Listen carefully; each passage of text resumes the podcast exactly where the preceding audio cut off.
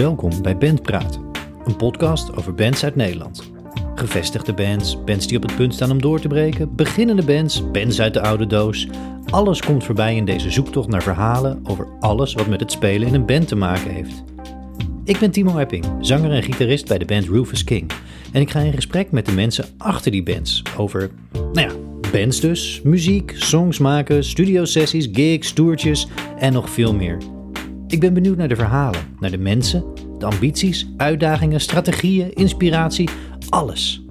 En ik hoop ook wat van iedereen te leren. Oké, genoeg voor nu. Tijd voor een nieuwe band.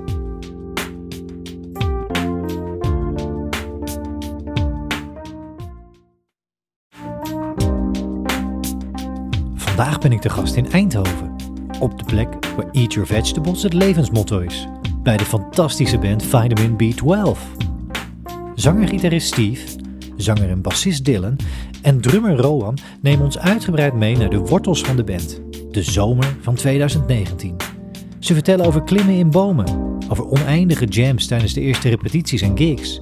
Het filmscenario waardige verhaal over het schrijven en ontstaan van hun eerste single Far From Here en de bijbehorende clip. Het organiseren van een eigen festival en meer. Heel veel meer. Op naar het gezonde leven. Op naar vitamin B12.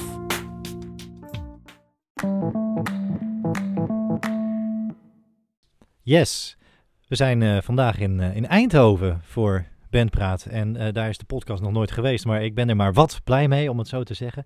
En ja, we zitten hier in, in het domein van Steve. En Steve, jij hoort bij Vitamin B12. En Dylan en Rowan, jullie zijn er ook. De band is compleet. Hallo. Welkom. Yeah, Na dank. Een Ja. kleine vertraging. Er kwam een storm tussendoor. Ja, dit, deze, deze aflevering die kent wel een verhaal. Een, een, een storm waardoor het niet doorging en nu ging het toch door. Maar we zijn er. En nu kunnen we eindelijk uh, met elkaar in gesprek. En, en dat is wat we gaan doen. Leuk. En jullie zijn compleet, dus we kunnen ook mooi het, het verhaal helemaal uit gaan diepen. En uh, ja, erachter komen wie jullie zijn, uh, waarom jullie er zijn en, en hoe dat dan allemaal zit met, met de band. En, en dat is waar we naar op zoek gaan wat mij betreft. Alright. Hey, nee, leuk dat jullie er zijn. En, en of ja, jullie er zijn, jullie horen hier. Uh, ik kom hier op bezoek, dus leuk dat jij dus er haast. Leuk dat jij, ja, inderdaad. Dank Timo, leuk daarvoor. dat jij er bent. Welkom. Thanks. Hey, zullen we eens beginnen? Want uh, ja, eigenlijk jullie, jullie verhaal. Ik, ik, ben gewend om geschiedenisboeken in te duiken en van alles uit te pluizen. En dat is hartstikke leuk. En dan, dan stuit ik bij jullie op de zomer van 2019. Waarbij eigenlijk de eerste stappen gezet worden voor vitamin B12. Uh, de eerste sporen, eigenlijk tekenen van leven voor de buitenwereld zijn dan wat later. Maar in die, in die zomer van 2019 komt er een en ander samen. En Dylan, dan kijk ik als eerst naar jou. Uh, waar de band dan ja, de, de, wortel vindt, om het zo even te zeggen. Jij hebt jouw uh, research goed gedaan, Timo. Ja, dat klopt. Nou, het, het, verhaal van vitamin B12 begint inderdaad in de zomer van 2019 op het Lepeltje Lepeltje Festival. Want daar trad Rowan op met zijn oude bandje. En Rowan en ik kenden elkaar al. Steve en Rowan kenden elkaar al. Steve en ik kenden elkaar nog niet.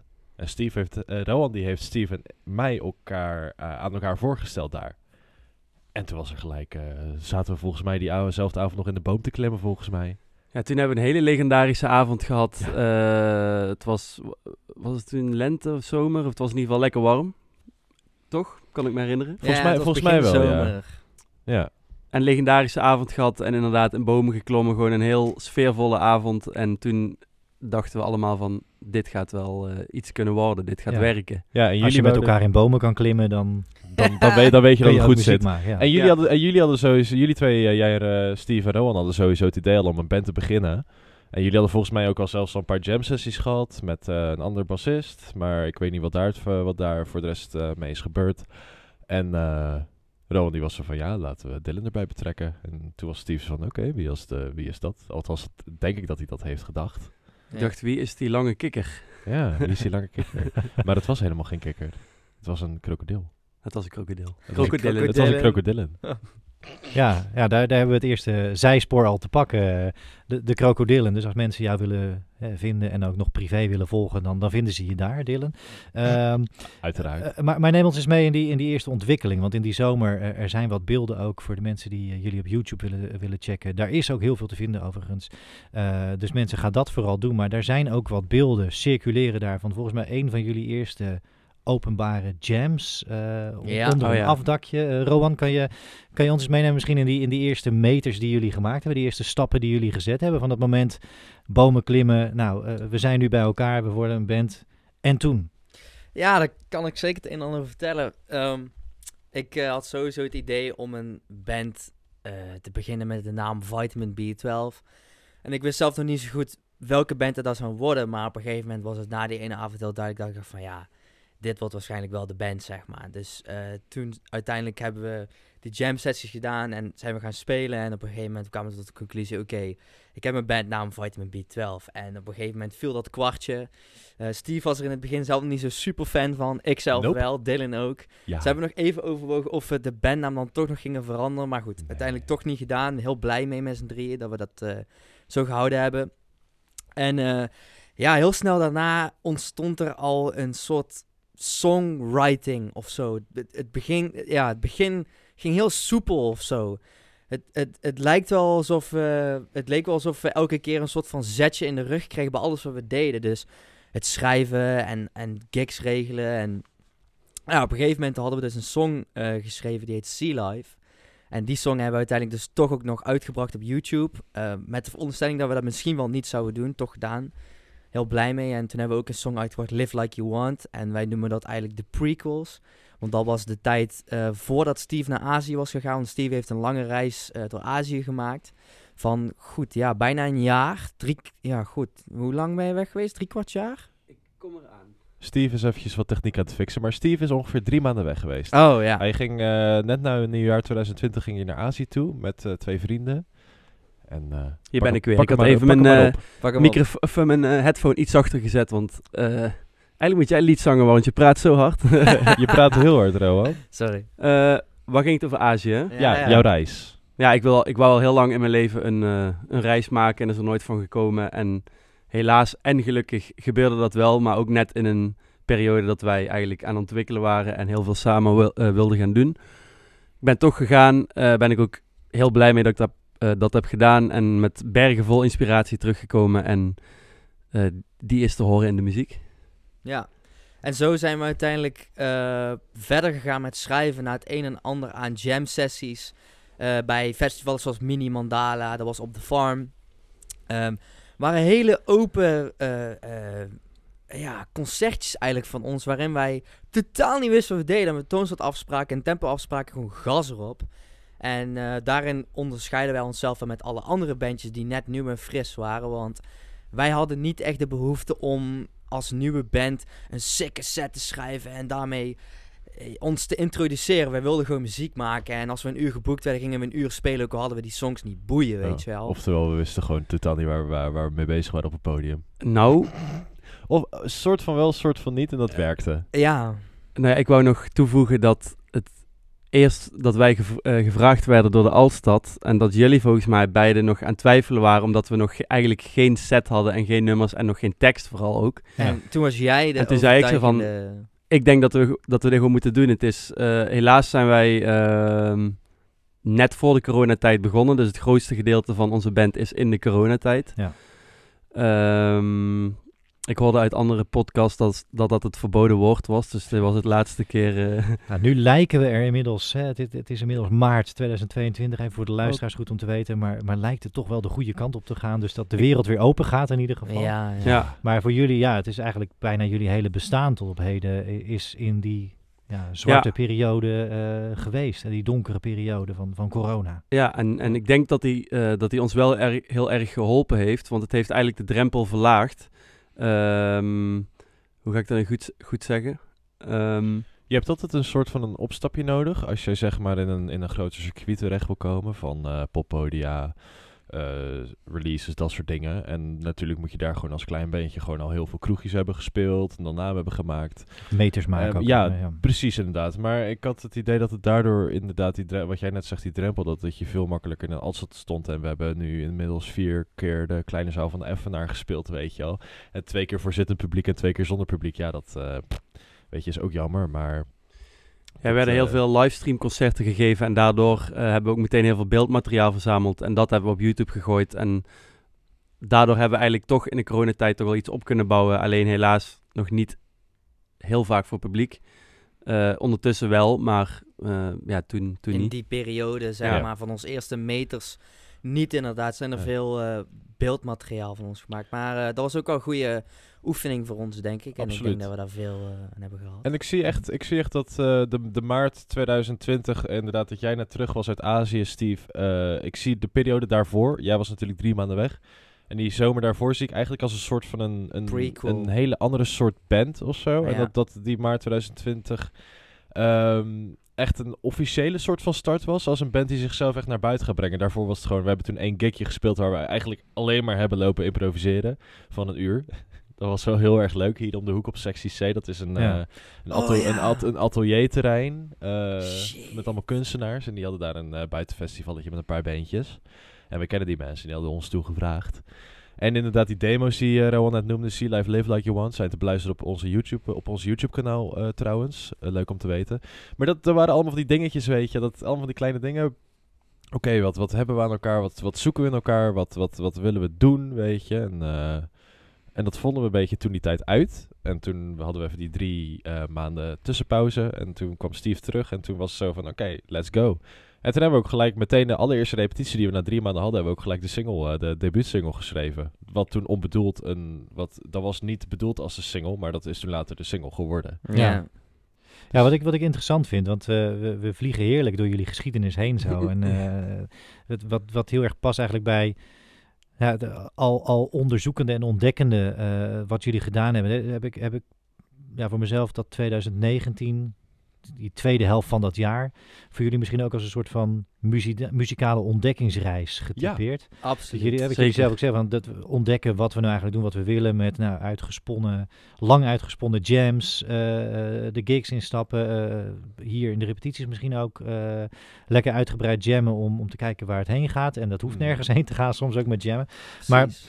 Eh, wat ik ook interessant vind in die, eh, in die eerste stappen, eh, volgens mij is dat de eerste keer dat ik dat hoor, Rowan, dat een band eerst een bandnaam heeft en dan pas gaat kijken wat de band wordt eigenlijk, of wie de band wordt.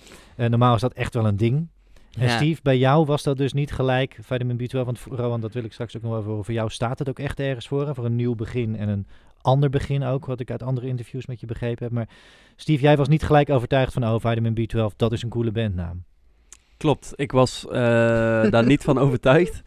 Eh, ik, ik had zoiets van, ik wil graag eh, iets nieuws creëren, dus ik wil dan ook een, een woord creëren of woorden met elkaar verbinden, zodat, je dan, eh, zodat dat ook je bandnaam is. En Vitamin B12 is natuurlijk al een, een product. Het is een, ja, Ja.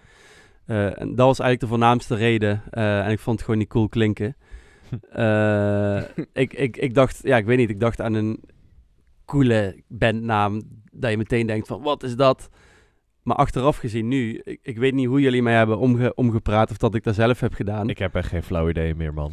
Ik denk dat het, het woord zelf en de bandnaam en de betekenis daarachter eh, meer en meer is voor jou gaan betekenen en daardoor de overtuiging voldoende was. Het is inderdaad meer gaan betekenen en, en de, wat Ron dadelijk gaat uitleggen, daar eh, voelen we ons allemaal wel verbonden mee. En ik denk dat het ook heel erg voor deze tijd staat. En ik hoor eigenlijk van veel mensen eh, al dat als ze nu het woord vitamin B12 horen, dat ze niet meer aan de pilletjes denken, maar aan de band. Dus is- ik, ik denk dat het juist omdat het een, een niet zo voor de hand liggende bandnaam is, dat die heel goed blijft hangen. Precies. Dat is het doel. Ja. Ik, eh, ik weet nog wel eh, de allereerste soort van livestream optredentje wat we toen deden in de Altstad in april 2020, volgens mij. Werden we aangekoppeld door Ruud Borgers uit Eindhoven. Dat is een eh, geweldige man. Die, Shout-out even, ja. Shout-out naar Ruud Borgers. Maar toen, toen na, na het eerste nummer ging je de licht uit, zie je op de video en dan hoor je Steve... Hi, we're vitamin B12. Eat your vegetables. Ja, en dan ben je, Ja. en dan ben, I mean, that's the phrase. en, en dan Ja. ben je binnen, weet je. Dat is een ding geworden, Dat is een ding geworden, inderdaad. ja. Buttons, stickers, eh, het staat al overal op. eh. Nou ja, en dat, dat is ook iets waar ik jullie eh, straks nog over wil horen. Graag inderdaad de hele range aan uitingen waar inderdaad deze, deze, deze line, deze phrase ook in zit. Maar ook hè, in, het, in, het, in het beeld en eh, gecreëerd door, door Puk, waar we straks ook nog even, eh, ja, eigenlijk jullie huisvormgever. eh, daar, nou, daar, daar gaan we straks nog uitgebreid op terugkomen. Maar e- even terug naar dat verhaal van vitamin B12. Want Steve, jij maakte eigenlijk de brug al perfect naar Rowan, die dan uit mocht gaan leggen. Hoe zit dat dan hè, Ja. voor, voor de mensen die andere interviews niet gehoord hebben die dat niet weten. Want hoe zit dat dan met, met vitamin B12? Dat gezonde leven, het leven weg van drugs en dergelijke eh, eh, zaken waar je in andere bands volgens mij mee te maken had. Ja, zeker. Ehm, voor mij was vitamin B12 een heel erg frisse nieuwe start. Want voor mij is muziek mijn druk en dat is mijn baasbehoefte en dat is waar ik lekker op ga. En ehm, ik zelf voelde me altijd niet heel erg thuis in de scene waarin ik thuis was. Dus ik hou zelf erg van metal en harde muziek en ik hou erg van hard rock. En in die scene, heel veel vrienden, zie ik ook gewoon veel shit doen waar ik van denk, ja, ik doe dat niet. Maar ik hou wel van die muziek en die scene. Maar ik word wel constant geassocieerd met iemand die dat doet. Want ik heb lang haar, dus ik rook waarschijnlijk wel. En ik zal waarschijnlijk ook wel blowen. Hey, ik blow af en toe ook echt wel, hè. Weet je wel? Ik bedoel, de. Oh, Maar, oh. snap je? Het ding is, ehm, het is zo stereotyperend. En ik wil dat heel graag doorbreken, want... Ik wil niet geassocieerd worden met iemand die dat per se doet, zeg maar. Oh, die zal vast wel sneuvelen, want die heeft lang haar en die heeft een leren jacket aan, weet je wel. Nou, dat is dus helemaal niet zo. En eh, vitamin B12 was dat voor mij heel erg een, een goede, eh, ja, frisse betekenis, zeg maar, in de rock and roll. Want ik wilde graag rockmuziek maken en iets psychedelic en iets in die richting, zeg maar. En dat, gaat het, dan wordt het vanzelf ook heel snel met ons drie, want ja, wij willen alle drie heel graag die kant op, zeg maar, heel vanzelf. Als wij ons instrument oppakken, dan gebeurt het al zonder dat we bij nadenken. Maar eh, ja, ik, ik had zelf het gevoel dat ik met deze band een heel erg nieuwe start kon maken, zeg maar. Want mijn vorige bandjes was soms blow in het gras belangrijker als repeteren. Ja, dat zit er gewoon hier echt niet in, zeg maar. Hier gaan wij dus echt wel repeteren. Dus eh, ja, dat is een heel belangrijke factor, zeg maar, waarom ik dacht van...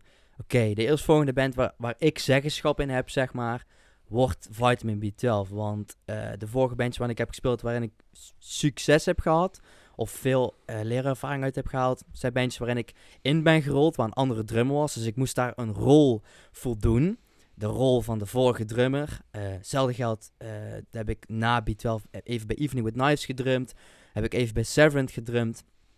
En ik merkte dat ik daar heel erg hetzelfde gevoel kreeg als bij mijn vorige band. Eh, ik wil best wel de naam even noemen, Embrace the Waves. Ehm, ik had het gevoel dat ik bij die band kwam en dat het was, zeg maar. En mijn creatieve input, het kostte heel veel moeite, zeg maar, om daartussen te komen. En ik wilde graag een band waarin ik, zeg maar, ehm, geen rol hoefde te voldoen. En bij deze band hoefde dat niet, want ik kon daar mezelf zijn. En ik had het gevoel dat Vitamin B12 of Eat Your Vegetables Vegetables for Your Ears een hele goede phrase was. Wat heel erg mezelf zijn uitdrukte, zeg maar. Want muziek is die soort vegetable waar ik energie van krijg, zeg maar. Dat is mijn drug, want ik wil iets... Ik heb iets nodig wat mij uplift en niet downhaalt, zeg maar.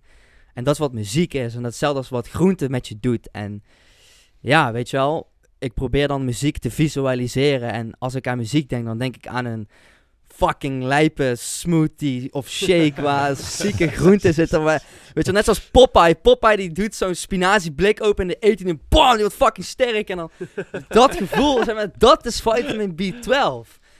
Is Popeye, I Ja. don't know. Oké, ik Ja. eh, voel iets eh, aankomen voor in de toekomst. Iets met Popeye. Ja. ik vind het mooi, eh, want Roland, het is, het, het, over voor de luisteraar, het is, is spectaculair om te zien hier op de bank waar we rustig zitten, hoe je ook echt helemaal losgaat met, met, dit, met dit verhaal. Maar dat dat meer is dan een verhaaltje van, hé, hey, we willen die band leuk neerzetten, eh, we doen wat met Eat Your Vegetables. En, en, maar het, het komt volgens mij ook echt recht uit je hart, wat je nu zegt. Ja. Dus dat het echt is waar je voor staat. En ja, misschien in die zin eh, een confronterende vraag, maar, maar heb je dat dan ook nu echt, ik heb het gevoel, ja, maar heb je dat ook echt gevonden nu in, in de, de setting zoals het nu is, vitamin B12? Absoluut. Ja, absoluut. Zeker. Kijk, het is nog steeds niet altijd even makkelijk soms. Wij kunnen ook al gewoon echt goed kibbelen tegen elkaar. Maar ik denk dat dat gewoon een beetje werkt als in de band. Zelfs in de huwelijk. Want, weet je wel, er moet gewoon een goede balans zijn. En eh, ja, weet je wel, eigenlijk, eigenlijk is dit ook gewoon een huwelijk, basically. Een band is een Echt huwelijk wel. onderhouden met meerdere mensen. Ja, Dus eh, ja, Ja, neuzen absoluut. dezelfde kant op Ja. is soms, eh, ja, dat weet je, je bent ook maar een mens. Dat kan alle kanten op gaan.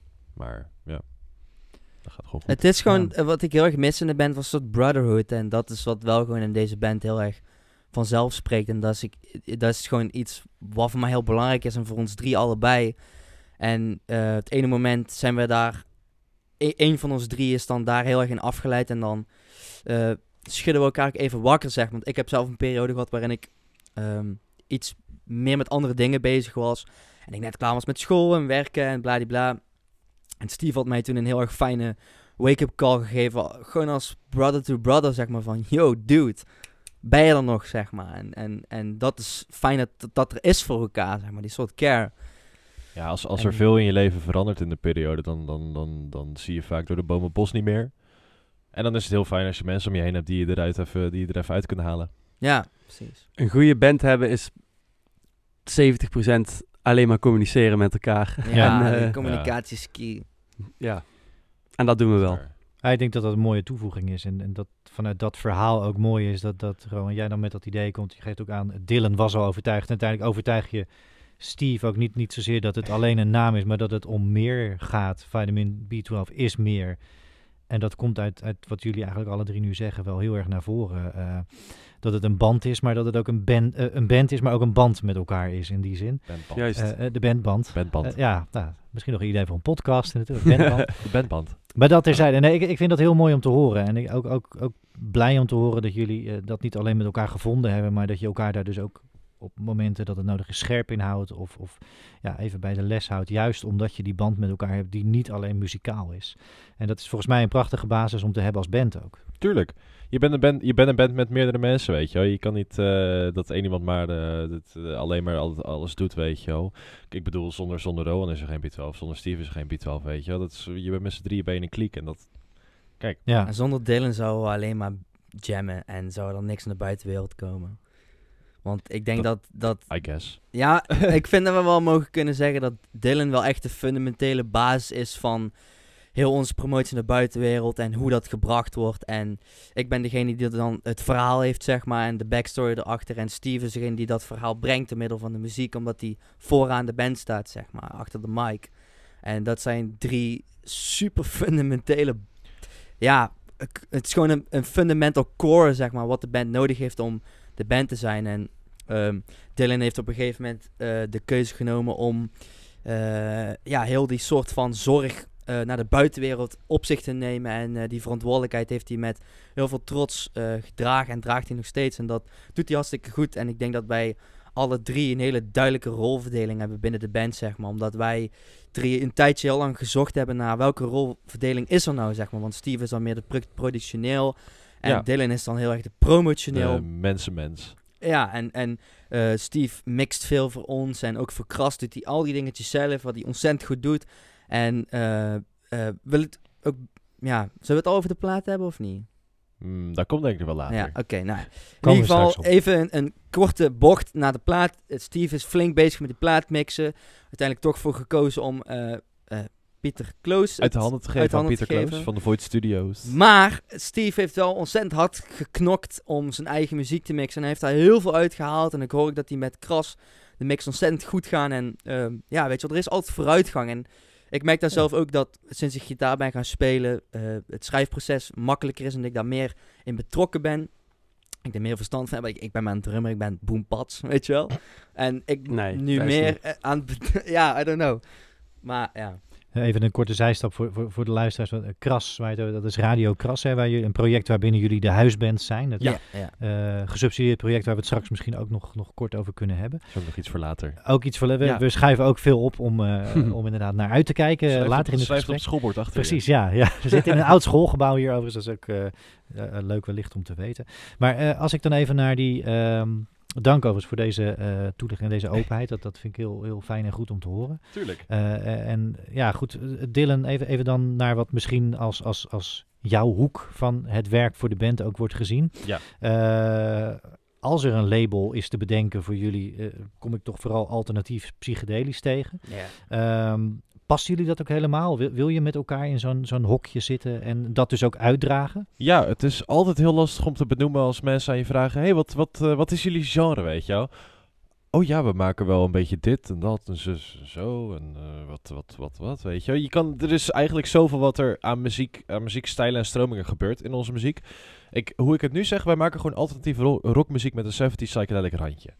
Ja. Want alternatieve, ro- alternatieve rock is gewoon een hele brede paraplu. En 70s psychedelic is een beetje die, die, die, die specifieke het specifieke insteek in die, in, in, in die paraplu die we hebben, die we een beetje benaderen. Maar het blijft, het blijft wel een moeilijke vraag hoor. Om, Ja. om te, zeg maar, de echte vinger erop te leggen. Want het ene nummer dan is weer eh, een, eh, weet ik veel, eh, Ja, noem het maar op. voor mijn gevoel ehm, waren we in het begin echt nog aan het zoeken naar een sound. En ik Mhm. denk dat dat ook heel erg terug te horen is eh, in ons... Aan, in... Aan, in... In. In, in onze eerste EP die Ah. eh, over een tijd eh, uitkomt. Ja. Eh, en nu zijn we, voor mijn gevoel, zijn we steeds meer naar een sound toe aan het werken die in heel veel nummers terugkomt. En ik merk al bij de nieuwe nummers die we schrijven, er zit wel een, het, het, wordt, het wordt iets makkelijker te kaderen voor mijn gevoel. Ja, er is, er is een heel erg druk eh, release schema dat op komst is. Omdat er nu heel veel in de wacht staat. Vooral omdat de EP die eh, momenteel gemixt en gemasterd wordt door Pieter Kloos van de Voice Studios in Eindhoven is eh, vorig jaar in mei al opgenomen, maar die heeft heel veel vertraging gehad. Ja. Maar we hebben nu inmiddels ook al onze nieuwe single opgenomen. Maar in dat verloop van al die nummers hoor je zeg maar waar het echt ergens heen gaat. En wij zijn nu ook al bezig met nieuwe nummers schrijven voor onze studiosessie in de zomer voor de volgende plaat. En daar hoor je zeg maar dat het gewoon veel meer geland is op één plek. ja, En wel echt een super duidelijke, herkenbare sound heeft. En dat heeft dat vorige ook al. Maar in, op die EP staan er gewoon twee nummers van 10 minuten. Dat ver gewoon echt ja. super veel gejam is, weet je Ja. Maar dat heeft, dat heeft aan, vind ik, in mijn... eh, ik vind de nummers hartstikke vet nog steeds. En ik vind dat Ja. het ook juist wel e- echt iets speels heeft. Van, oh, het is een eerste EP, weet je. En het, het, de nummers zijn gewoon hartstikke tof. En er wordt gewoon... eh, er wordt zeg maar één nummer van 10 minuten wordt drie minuten gezongen. En dan is het zeven minuten aan een jam die overal heen gaat, weet je wel. Ja. Ja, het, het, het, is voor een specifiekere doelgroep om naar te luisteren, denk ik. Maar het zijn, ja, het is gewoon wel vet. Ja. Vind ik Ja. zelf. wel, wel interessant. Eh, Steve, als ik dat aan jou dan eh, van de productiekant ook mag vragen. eh, Ja. Als je, eh, die, die EP die is inderdaad vorig jaar in mei opgenomen, dus die, die ligt al bijna een jaar op de plank. Ehm, voor komende zomer staat er materiaal klaar om opgenomen te worden, waarvan je zegt, dan misschien is dat al wat meer te kaderen, wat meer op een bepaalde plek geland. Als die EP nu nog het levenslicht moet zien, die je vorig jaar hebt opgenomen, past dat dan nog wel bij wat, waar jullie nu staan? Of zien jullie dat er meer als soort van onderdeel van die reis die jullie maken met elkaar? Ik zie het inderdaad heel erg als een onderdeel eh, van die reis. Ik voel wel eh, een kleine afstand ertussen, omdat het al een jaar geleden is. Ja. En, en, en ik voel heel erg dat wij aan het groeien zijn en, en eh, dat hoor je ook terug. Maar ik vind juist het heel cool om die reis ook aan mensen te laten horen van... Hey, die gaan dat ook horen. Die, dat, de eerste EP is iets langdradiger, iets spacier. Dan komt het volgende, de volgende single, die wordt al iets compacter. Dan komt de volgende Tripole Studios. ja, dat, dat moeten we nog gaan opnemen, daar zijn Ja. we nu voor aan het schrijven. Ja. Maar ik denk dat mensen... De, de reis is wel logisch. Het is niet dat Ja. we echt eh, helemaal naar elke hoek gaan. Eh, dus ik, ik wil mensen graag dat meegeven, ja. En je hoeft, je hoeft de mensen die je wilt bereiken niet alleen maar de hoogtepunten te laten zien die je hebt gemaakt. Dat is ook precies de reden waarom wij alles wat wij doen eh, met bijvoorbeeld ons YouTube kanaal, gewoon Ja. al die demos, Alles al die, oude, al die oude livestreams, weet je wel. Tuurlijk, er zit, er zit, er zit eh, spul tussen wat ook soms echt niet goed gespeeld was. En ik, en ik, eh, ik zie bij mezelf zo dat ik soms, eh, ik ben eh, in, de, in de periode van P12 ben ik echt begonnen ook met zingen. Zitten er ook soms dingen tussen dat ik denk wow, ik raakte echt een fucking valse noot, weet je. Maar dat Maar is, dat hoort erbij. Maar zo laat je zeg maar zien dat het gewoon altijd echt is gebleven Ja. aan de mensen. En dan herkennen mensen zich erin. En dan blijven mensen het onthouden. In plaats van dat je gewoon af en toe gewoon op je, op je Facebook muur of op je Instagram muur gewoon plaats van... hey, er is nu al uit veel plezier, weet je. Dan leg je het gewoon neer. Maar je moet zeg maar mensen meenemen in dat hele traject wat je maakt. Want er zit gewoon superveel bloed, zweet en tranen achter, weet je wel. En, Ja. En zo, ja, zo blijft het En echt- plezier. ja, en, plezier. Ja, die en nu- stap, ja, die nu, stap Heb, nu heb ik het over hard werken natuurlijk. Gewoon echt het harde werk Ja. wat erin zit. Het strijden ervoor, zeker in corona als band, weet je. Dat is gewoon niet makkelijk geweest. En op deze manier blijft het gewoon echt. Tastbaar. En geloofwaardig. Ja. Ik denk dat dat ook iets is wat ik heel erg eh, fijn vind aan B12, is dat het heel eerlijk is en oprecht. En ook de dingen die op Instagram komen. Eh, ja, ik denk dat 80% van alle verhalen op Instagram eh fuckery is van ons. Dat we gewoon aan het rommelen zijn. Er, er, zit, er zit tegenwoordig een goede balans tussen, maar dat is soms wel eens anders geweest. Ja, en, maar ik denk dat dat juist ook heel fijn is. En ik, ik, het, het proces wat B12 is, die reis, dat zien mensen. En dat onderscheidt ook ons aan, als andere bands. Want eh, ja, weet je, het is veel gaver om te zien hoe een band groeit, denk ik, dan om te zien hoe goed een band is en goed is. Want een band is goed en dan blijft een band goed. Maar het is veel gaver om een band te zien die groeit. En ik denk dat dat Ja. iets is waar wij wel ja, heel erg achter staan vanaf begin af aan, zeg maar. Zeker. En, en eh, ja, dat, dat is mooi gezegd. En als we dan die stap zetten weer even naar, naar de, de promotionele kant, Dylan, is dat ook echt die, die puurheid van eh, dit is wie we zijn, dit is wat we doen. Eh Rowan zei het in het begin, eh, jullie hebben het al aan het begin meerdere keren gezegd over Sea Life en Live Like You Want. Eigenlijk de, Ja. de prequels noem De je dat, demo's, die, die op YouTube en op Bandcamp ja. overigens ook te, te vinden zijn voor Ja, wie dat wil. ja, voor Far From Here, de officiële single die op de officiële, nou ja, op, op alle Spotify, Streaming. streamingdiensten te vinden is. Ehm, maar dat is ook echt een verhaal dat jullie hebben willen vertellen. Van ja, we gaan Ja. dit toch als prequel neerzetten, want dat is hoe we begonnen zijn. Daar ligt misschien nog wel meer de kern van wat we zijn dan wat eh, Far From Here is dan weer een stapje verder eh, geweest. Maar dat, dat die hele reis bewust met iedereen gedeeld wordt dus ook. Zeker, Op, eh, zeker. socials en dergelijke. Ja. Je, je luistert naar mensen, je praat met mensen, je kijkt naar mensen, je kijkt niet naar een product. Ja. Weet je, ja, ik bedoel, B12 is inmiddels wel een gezetteld iets. Het is gewoon een herkenbaar iets. Maar er zitten nog steeds gewoon drie kopjes te achter die het gewoon, die het gewoon doen. Weet Ja. je wel? Zelfs als, als inderdaad wat jij zegt, dat, dat, dat social media, dat management gebeuren, al dat contact gebeuren. Als mensen eh, ons berichten, weet je, dan, dan ik, ik, je, je praat gewoon met ons. Ik, ik Ja, praat altijd ja. terug. Ik zorg dat mensen gewoon, ja, dat er gewoon communicatie is. Dat Echt communicatie contact. want mensen, die mensen die natuurlijk communicatie is gewoon een basisbehoefte van de mens. Net als wat muziek maken voor ons is. Mensen moeten gewoon met elkaar kunnen, kunnen communiceren. Ja. En als jij die muur optrekt, dan, dan zijn mensen ook zo weer weg.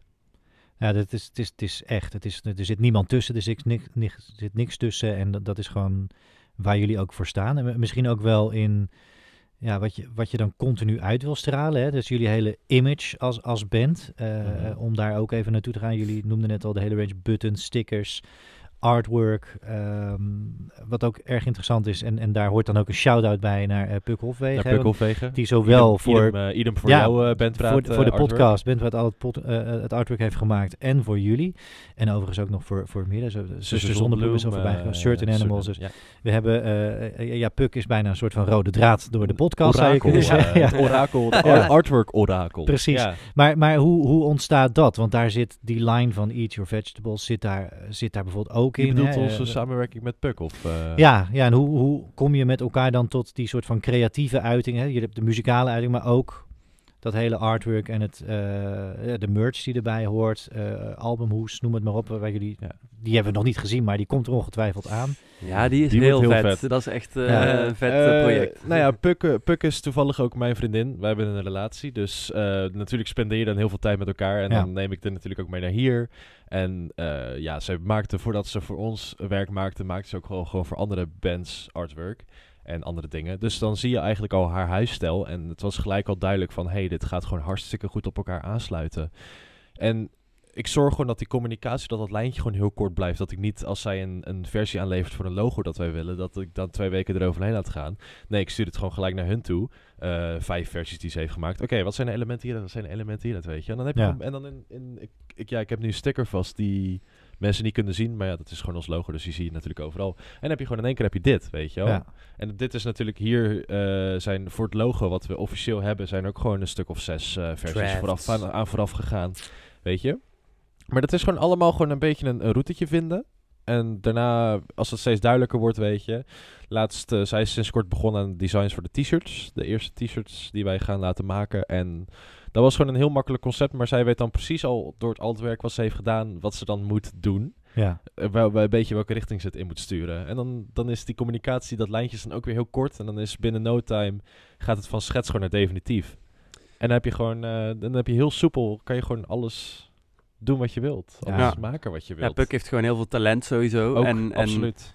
en ik denk dat zij ook wel heel erg eh, voelt wat wij willen uitstralen. En, en die connectie maakt ze heel snel. En dan klopt het eigenlijk vrijwel heel snel. Ja, zij voelt zich Ja. ook heel erg, eh, zij eh, voelt het ook heel erg de band gewoon als, eh, inderdaad die image, die, de band zelf, de muziek, weet je. Dus kan zich Ja. heel erg in verplaatsen. En dat, Ja. dat helpt natuurlijk ook mee, want dan zit, dan zit haar gevoel er natuurlijk ook in. Ja, en als dat samenkomt, is dat, dan krijg je een mooie resultaat. krijg je En- een hele mooie ja, en- En, resultaten. en, dat idee van, ehm tussen die associatie, 70s, een beetje de vintage rand die om jullie heen hangt, zeg maar. Ja. Dat is ook wel echt, hè, eh, Rowan, toen jij ooit dat idee had, er moet een vitamin B12 komen. Was daar dat idee toen ook al? Van dat, dat wordt een band met een vintage rand, dat wordt een band met de uitingen via Puck zoals die er nu zijn. En past dat, past dat ook heel erg bij dat beginbeeld dat je had? Oh, Kijk, wij kenden Puck toen nog niet, hè? begin. Nee. nee. Ehm, ik denk eh, dat wat het nu is, ik van tevoren dat nog niet in gedachten had. Maar wat het nu is, had ik wel. Ik had wel gewild dat het dat zou worden. Dus ehm, ik wist zelf nog niet zo goed wat Vitamin B12 precies zou worden. Maar ik wist wel dat het een band zou worden waarbij de gitaar, bas, drums gewoon centraal staan. En, en het een rockachtige band is. Ehm, maar ja, dat 70s randje is ook een beetje per gegaan. Omdat wij alle drie heel erg van retro rock houden. En ja, wij ook ons daarna kleden. En Dylan is van ons drie het meeste 60s hippie flower power, zeg maar. En En bedankt. en, en Nee. Steve is echt Steve, zeg maar. En Steve heeft echt een eigen uitstraling. Waar ook wel. eh, ja, je, je zou hem ook wel eens kunnen zien rondlopen op Woodstock, zeg maar. Zeg maar dat zou gewoon kunnen.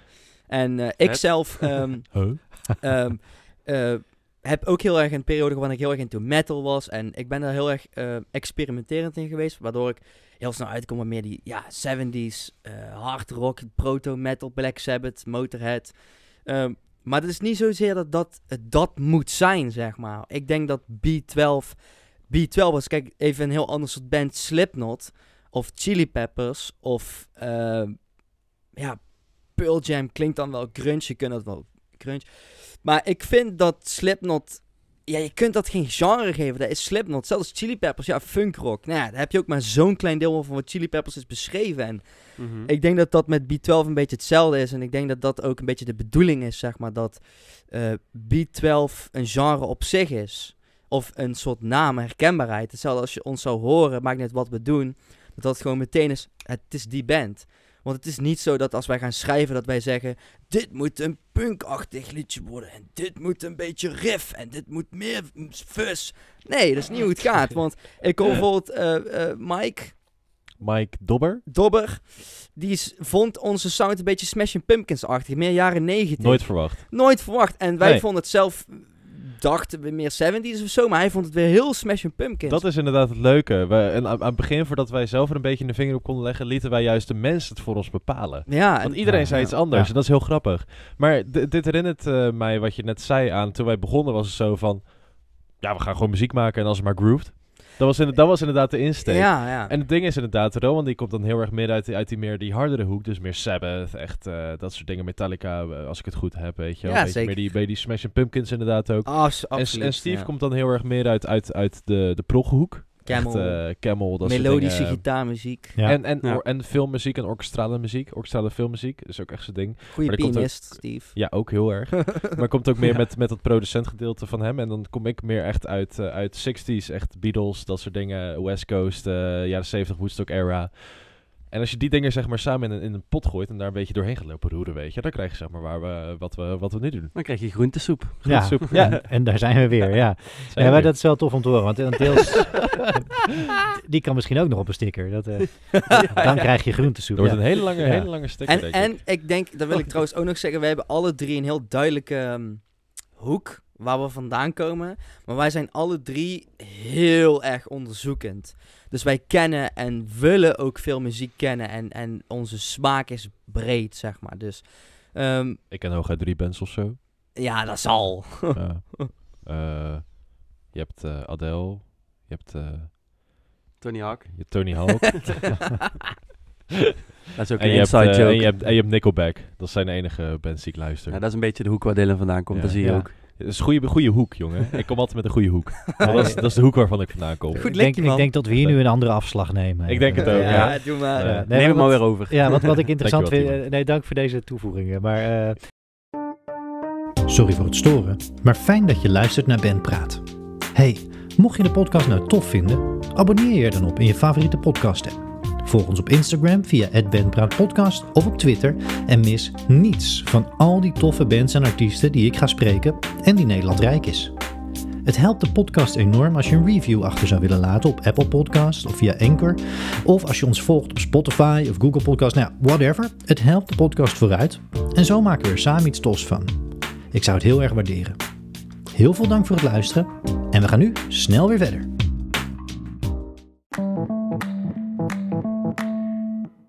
Eh, wat ik interessant vind, ehm, jullie, eh, daar wil ik even op inzoomen. Hè, want we hebben al van verschillende kanten nu, eh, we horen waar jullie vandaan komen. Jullie eigenlijk vooral door heel veel te spelen en door live profileren en te zien waar het heen gaat, gekomen zijn waar je gekomen bent. Steve is op reis gegaan, kwam terug, volgens mij ook eerder door corona. eh, wat dan misschien een geluk bij een ongeluk is geweest, omdat jullie in april voor de ontwikkeling van de band mooi, in ieder geval Ja. met livestreams en ander op konden pakken. Ehm, maar als we dan even inzoomen op, op vorig jaar, dat Far From Here uitkwam. eh, om even te kijken hoe jullie daar dan in gewerkt hebben. En hoe jullie op dat moment bepaalden van nou, dit gaat de eerste single worden. Die is, die is eh, hier bij Steve in de woonkamer opgenomen. Eh, en uiteindelijk dus de single geworden met een clip erbij. Waar volgens mij ook nog een aardig Dat verhaal met een Grieks die randje heeft- aan. Ja, Die ja, heeft ja, ook ja. een heel leuk verhaal, ja. Maar, maar kunnen, Steve, om- bij jou te beginnen, eh, kun je ons meenemen in dat, dat verhaal van Far From? Jullie single, die ook volgens mij heel, heel aardig, heel goed opgepikt is. Ja, ook, die is, eh, die is echt heel goed opgepikt. Beter als verwacht. Ehm, nou ja, ik kwam inderdaad eerder terug uit Azië eh, door corona. Eh, wel met bergen inspiratie, want ja, Azië is gewoon een super mooi land. Veel bergen. Veel bergen, interessante muziek. Jongen. Maar ehm, Dat, ja. ja, dat. eh, redelijk snel gingen we repeteren en toen hadden we nog geen repetitiehok. eh, en ik woon gelukkig hier heel groot, dus konden we hier repeteren. En toen kwam ik eigenlijk volgens mij letterlijk meteen als allereerste met dat riffje. Ja, jij zei, eh, Dylan, speel jij zo bas? Pum, pum, pum, pum, pum, pum, pum, pum, pum, pum. En het loopt dat is. En toen ging jij daar... Ja, dat- De gitaarmelodie even spelen. Ja. Binnen één dag is misschien dat nummer geschreven. En, In ehm, één dag is eh, de basis. Toen was het instrumentale stuk er. En hier een klein stukje verderop, eh dat kun je net niet zien, hebben we het hoogste punt van Brabant. Dat is een afvalberg in Nune. Heel mooi. Wij, wij noemen dat klein, eh, klein Frankrijk. En daar, als je daar loopt, eh, lijkt net of je in Frankrijk bent. Het is geen afvalberg meer. Ze hebben dat volgens mij met asfalt eh, belegd. Ja, daar en dan, toen daar gras, ja. Het, gras het en ziet er heel mooi uit, maar Van binnen is het als je zou graven, Ja, dan zit ja. er afval in. Ehm, daar chillden wij heel vaak in de zomer. En toen hadden we een thema nodig voor, of, ja, voor het nummer. Corona. Eh, wij, wij willen niet in coronatijd zijn. Wij willen naar een plek ver weg van hier. En daar kwam het al far from hier. En met dat lijntje zijn we eigenlijk verder gaan eh, uitbouwen. En daar eh, ja, kwam die tekst uit. En Nou, de tekst kwam vooral eh, na, na een aanvaring met de politie. Ja, dat wou ik net Oh, zeggen, er was oh, iets die- gebeurd. Oh, so- ja, Er dat was ben iets ik helemaal gebeurd, vergeten. Waardoor was- jij ging schrijven. Oké, Nou, De- ja, de mag ik smeuïge vertellen? details. Ja, jij mag eh, dat Ja, mag je vertellen. vertellen. Dat is, echt een, sp- dat is echt een spannend verhaal. Nou, het heeft Oh. nog steeds te maken met het verboden woord corona. Ja. Eh, in de eerste lockdown, volgens mij, toen waren ze heel streng. En toen mocht je echt maar twee of drie mensen uitnodigen. 2020 hebben we dan. eh, Ja, 2020. april. Ja, een beetje die periode. Die eerste echte chaosperiode. Ja. Ja. Ja. En toen had ik eh, Dylan, Rowan uitgenodigd. En, En voor de eerste keer kwam Puck toen mee. Die, eh, dat was de eerste keer dat zij ons ontmoette. Toen hebben we hier met z'n allen gezellig gegeten. Dus wij waren met z'n vieren. Mijn huisgenoot, die had ook vrienden over de vloer. Die was ook, eh, hij, hij plus drie anderen, dus ook met z'n vieren. Dus we waren met z'n achten thuis. Ja. Nou heb je helaas mensen die, het, die andere mensen eraan naaien. Dus iemand heeft hier blijkbaar toen gebeld. Ehm, Nou, hij belde wel met een reden, want er was wel... We waren oh, ik wel- moet het eerlijke verhaal vertellen. Ja. Oh, Ja, je Mag, moet wel- mag, mag ik het stokje eventjes overnemen, Steven? Nee. Jawel. Nou ja, eh, je hebt de Australische band King Gizzard en the Lizard Wizard. Ja. De gekke band. Die hebben in 2019 een tour gedaan en die brachten daar een film van uit. Omdat, omdat de bioscopen natuurlijk overal ter wereld sloten, lieten zij mensen het huren voor een, voor een dag volgens mij, of, de, of een periode. Eh, de, de vrienden van de huisgenoot die er was, de huisgenoot zelf van Steve Telmo, die eh, vindt die band ook vet. Dus die was van, oké, ik huur hem. Ik heb een te groot, ik heb een supergroot tv, gaan we die film met z'n kijken. Dus ja, wij zijn natuurlijk best wel beteut die film gaan kijken natuurlijk. En er wordt gewoon gedronken en gedaan en zo. Ja, die film is afgelopen en we zijn natuurlijk allemaal keihard energiek omdat die, omdat die, die tourfilm ontzettend vet was. En dan gaat de muziek gewoon keihard aan. En toen belanden we aan de andere kant van het pand in een, in een klein hok waar een drumstel staat en een gitaar en een basamp. En toen waren we gewoon om half twee s'nachts, om half drie s'nachts keihard muziek aan het maken. Maken. en er was dus één buurman en die heeft toen gebeld voor geluidsoverlast. Maar wat er dus gebeurde, er komen dus eerst gewoon twee agenten aan de deur staan. En toen hadden wij het nog niet door, want wij waren gewoon ons ding aan het doen. En die zijn om het pand tegenlopen, weet je wel. En wat dachten die? Oh yes, wij gaan een keigroot coronafeest oprollen. Goed voor ons cv. En die hebben toen, die hebben toen vijf, meer, vijf wouten meer opgetrommeld. Fucking vier, wouten, vier busjes hier zo. Ja. Zijn ze met z'n zevenen. Omdat wij hebben toen niet open gedaan. Op een gegeven moment eh wist Stelmer dat er Wouter voor de deur stond. Zijn we zo van, oké, allemaal stil, Hij had allemaal een stil, camera, dus, hij, dus wij waren ze in de gaten aan het Ja. houden. Toen waren we allemaal stil. Ik denk En- dat we echt iets van anderhalf uur in de hok gezeten Ja, hebben om te en we wachten dat ze een keer weg zouden En we waren zo van, ze mogen niet binnenkomen als ze, er- als ze wij niet open doen. Dat mag, dat mag gewoon niet, Nee. want dat is huisvrede. Dachten wij. Dachten wij. Ja. Wat hebben ze gedaan? Ze hebben gewoon die deur ingebroken met een koevoet en zijn met zeven wouten binnengestormd. Hebben ons allemaal op de bol geslingerd voor 400 euro. En En waarom? waarvoor? Ja, eigenlijk niks. Helemaal niks. Omdat we aan het chillen waren. En het ding is, Ja. ze maken het je zo makkelijk om die boete te betalen met één knop op Ideal, maar ze maken het je zo lastig om die boete aan te vechten. We moesten fucking formulieren uitprinten, ondertekenen, wat dan ook, bezwaren maken. Uiteindelijk is die boete wel voor ons allemaal kwijtgescholden, omdat volgens de officier van justitie er geen overtreding was. Dat is hartstikke mooi, maar ik ben op dat moment wel mijn eeuwige respect voor agenten en boa's volledig verloren. dat horen we. ja, dat was Eh, eventjes mijn... eh, sprake mijn, van eh, wat frustratie en, en Oh ja, nee, het, het is vooral een heel vurig verhaal, weet je. In- en dat allemaal in het ontstaan van Far From Here. Ja, en Ja, daar, ja. daar met dat eh, dingetje zijn het we far from het here. nummer was al geschreven, de basis was er. eh dat was gewoon een demootje. En toen heeft Steve dus... eh, There's a place far from here where we live without our fears. You just go out and feel the sunshine on your skin. En toen heeft hij dus die basis geschreven. Ik vond het hartstikke prachtig. Is meer eigenlijk een soort wens, behoefte waar je Ja. op dat moment gewoon weer naartoe wilde Ja, en wilde ja. zijn in een en Steve zorgeloos was toen leven. natuurlijk ook ja. niet zo lang weer terug van zijn reis. Dus hij kwam hier. En in één keer... kwam in een andere wereld terecht. Vertel daar eens even over. Wil je daar nog iets over kwijt? Hoe, hoe- wat bedoel je? Nou ja, gewoon over Far From Here en hoe dat voor jou was, zeg maar. Op het moment dat je dat verzonnen, wat voor gevoel je daarachter had. Op het moment dat je dacht van, ja, ik wil weg hier, zeg maar. Ja, de overgang was gewoon heel groot. Van, eh, ik ben ook met de reden naar Indonesië gegaan om iets van mijn roots eh, terug te vinden. En dat was een super eh, inspirerende reis voor mij. En dan kom je in één keer eerder terug vanwege corona. Dus je, je bent daar in zo'n vrije wereld, super lieve mensen. En dan kom je hier en dan gebeurt ook nog zoiets. Ja. Ja, dan, dan wil ik eigenlijk wel weer weg. Dus daar kwam eigenlijk heel erg die behoefte vandaan om daarover te schrijven. Ook leuk voor Puck trouwens. Die was de allereerste keer hier zo. En die eh, werd terug naar huis gestuurd met een boete van, vier- van 400 euro op zak. Ja, Ja, gelukkig is ze nog wel bij ons gebleven. Ja, Eh, inderdaad. Eh, gelukkig maakt ze nog steeds onze, onze artworks, anders waren we verloren geweest. Eh, van, van, van wat ze zei, moesten de ouders heel hard lachen toen ze thuis kwam met het nieuws. Mijn moeder niet, die was echt niet blij. Toen woonde ik nog bij mijn ouders. Ik heb er ook echt wel eventjes last van gehad die avond. Ik ben, eh, ik ben een tijdje be- best wel paranoïde geweest over, over, over al die coronaregels, eh, man. Echt, eh, Ja. Want die angst die zeg maar, mensen nu nog steeds voelen, weet je, die voelde ik toen. En dat, dat was niet fijn, dus ik snap niet hoe mensen zo twee jaar hebben kunnen leven. Nee. Maar goed, terug op de tekst van Far From Here. Yes. Toen heeft Steve heeft toen het- die, die basis geschreven. En toen hadden wij een keer, wa- waren wij op die berg dus. Ja, En toen liet hij mij dit horen, had hij zijn gitaar mee. En toen eh, hebben we dat, daar hebben we dat toen afgeschreven. Ja. En toen hebben we het diezelfde avond hier inge- ingezongen. En dat is ook de take, de, vo de vocale die je op de single hoort. En diezelfde avond was er weer een feestje in de tuin. En toen waren er ook weer boa's, of, ze- volgens mij. Dat is echt, eh, deze plek stond echt bovenaan op een wanted Ja, list. we hebben Ja. het niet afgeleerd. op een nee. blacklist. Nee, en, Nee. En, en wel interessant, even, even los van, van boa's en politie. eh, het, het- je noemde het terzijde, maar eh, ter plekke hier ingezongen. Ja. Is voor jullie eh multivocale, want dat is ook wel heel nadrukkelijk bij jullie aanwezig. En we straks ook nog wel even kijken naar de uitbreiding van de band natuurlijk. Ja. Eh, eh, maar is dat voor jullie ook vanaf het begin af aan wel duidelijk geweest? Want dat is hoe we gaan werken. Want Dylan, jij zei net ook met name van...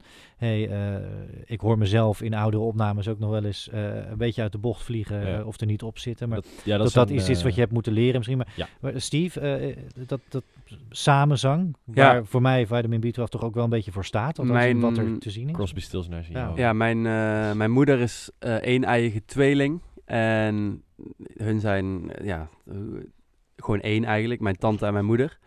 En in de buik al... Wat? nee, dat is gewoon mooi. Eh, eh, hun zingen altijd samen. Ze zijn allebei zangeres. Ze zitten allebei in een jazzband. Hun meer stemmen, ze hebben nog meerdere zussen die meezingen. Dus eigenlijk op alle feestjes vroeger meerstemmige zang. Daar ben ik gewoon mee opgegroeid. En ik vind dat eigenlijk het allermooiste wat er is. Ik hou heel erg van melodietjes en harmonieën. Dus eigenlijk als ik een zanglijn hoor, dan hoor ik er al drie bovenop. En bij Far From Here heb ik dat ook zo eh, ingezongen. En toen konden we dat nog niet live doen, want toen zong Dylan nog niet en toen hadden we nog geen extra Beetje, backup. Ja. Eh, dat is gelukkig helemaal goed gekomen en, en het gaat bijna gewoon automatisch. Ik vind dat het ook een heel... eh, als je samen zingt, dan voelt, het, dan voelt het voor mij echt als een band. Dan ben je echt samen iets aan het doen. Eh, en dan voel je die connectie, die voel je dan echt. Dus samenzang is echt wel een ding, ja. En ik denk dat Ja. dat ook wel iets is wat het retro een beetje terugbrengt. Want ehm, ik probeer er zelf ook een beetje te zingen. En eh, de, ja, gaat niet altijd even goed. Maar vroeger, eh, zoals de Beatles en al die oude bands, droegen allemaal een pak. En ze zongen allemaal. Zelfs de Eagles en de band. En eh, ja, ik denk dat dat ook wel... welke band? De band. Welke band? De band. Die band. Oké, don't bent- go there. Ja. I won't go there. Ja. Ja, dat doet hij hoor. Maar, eh, en dat is precies wat Steve zegt. Dan, dan ben je een band. En Welke band? ja, ik wist het. I knew it. Ja, maar dat is wel, het staat jullie ontzettend goed ook overigens. hè. En, en de sfeer is ook, het is ook, ook prima zo eh, tekenend voor jullie als band. Maar het, juist, nou, multivocalen, juist die manier eh, eh, van muziek maken, dat, ja, dat is eigenlijk van het begin af aan hoe ik jullie heb leren kennen. Alsof het heel naturel is. En het staat jullie heel goed. Het is ontzettend tof wat daar uitkomt. En eh, ja, voor mij komt dat op Far From Here en op de livestreams die jullie, eh, die jullie ook hebben staan, komt dat heel mooi samen. ja. Maar dat is dus wel een traject geweest. Waar je zegt, Steve, voor jou is het begin zelf al die laagjes opbouwen. En nu, hè, Dylan is erbij gekomen, Rowan probeert af en toe wat. Maar uiteindelijk, vorig jaar, eh, 2021, zijn daar eh, eh, Quint Vullings op toetsen. Yeah.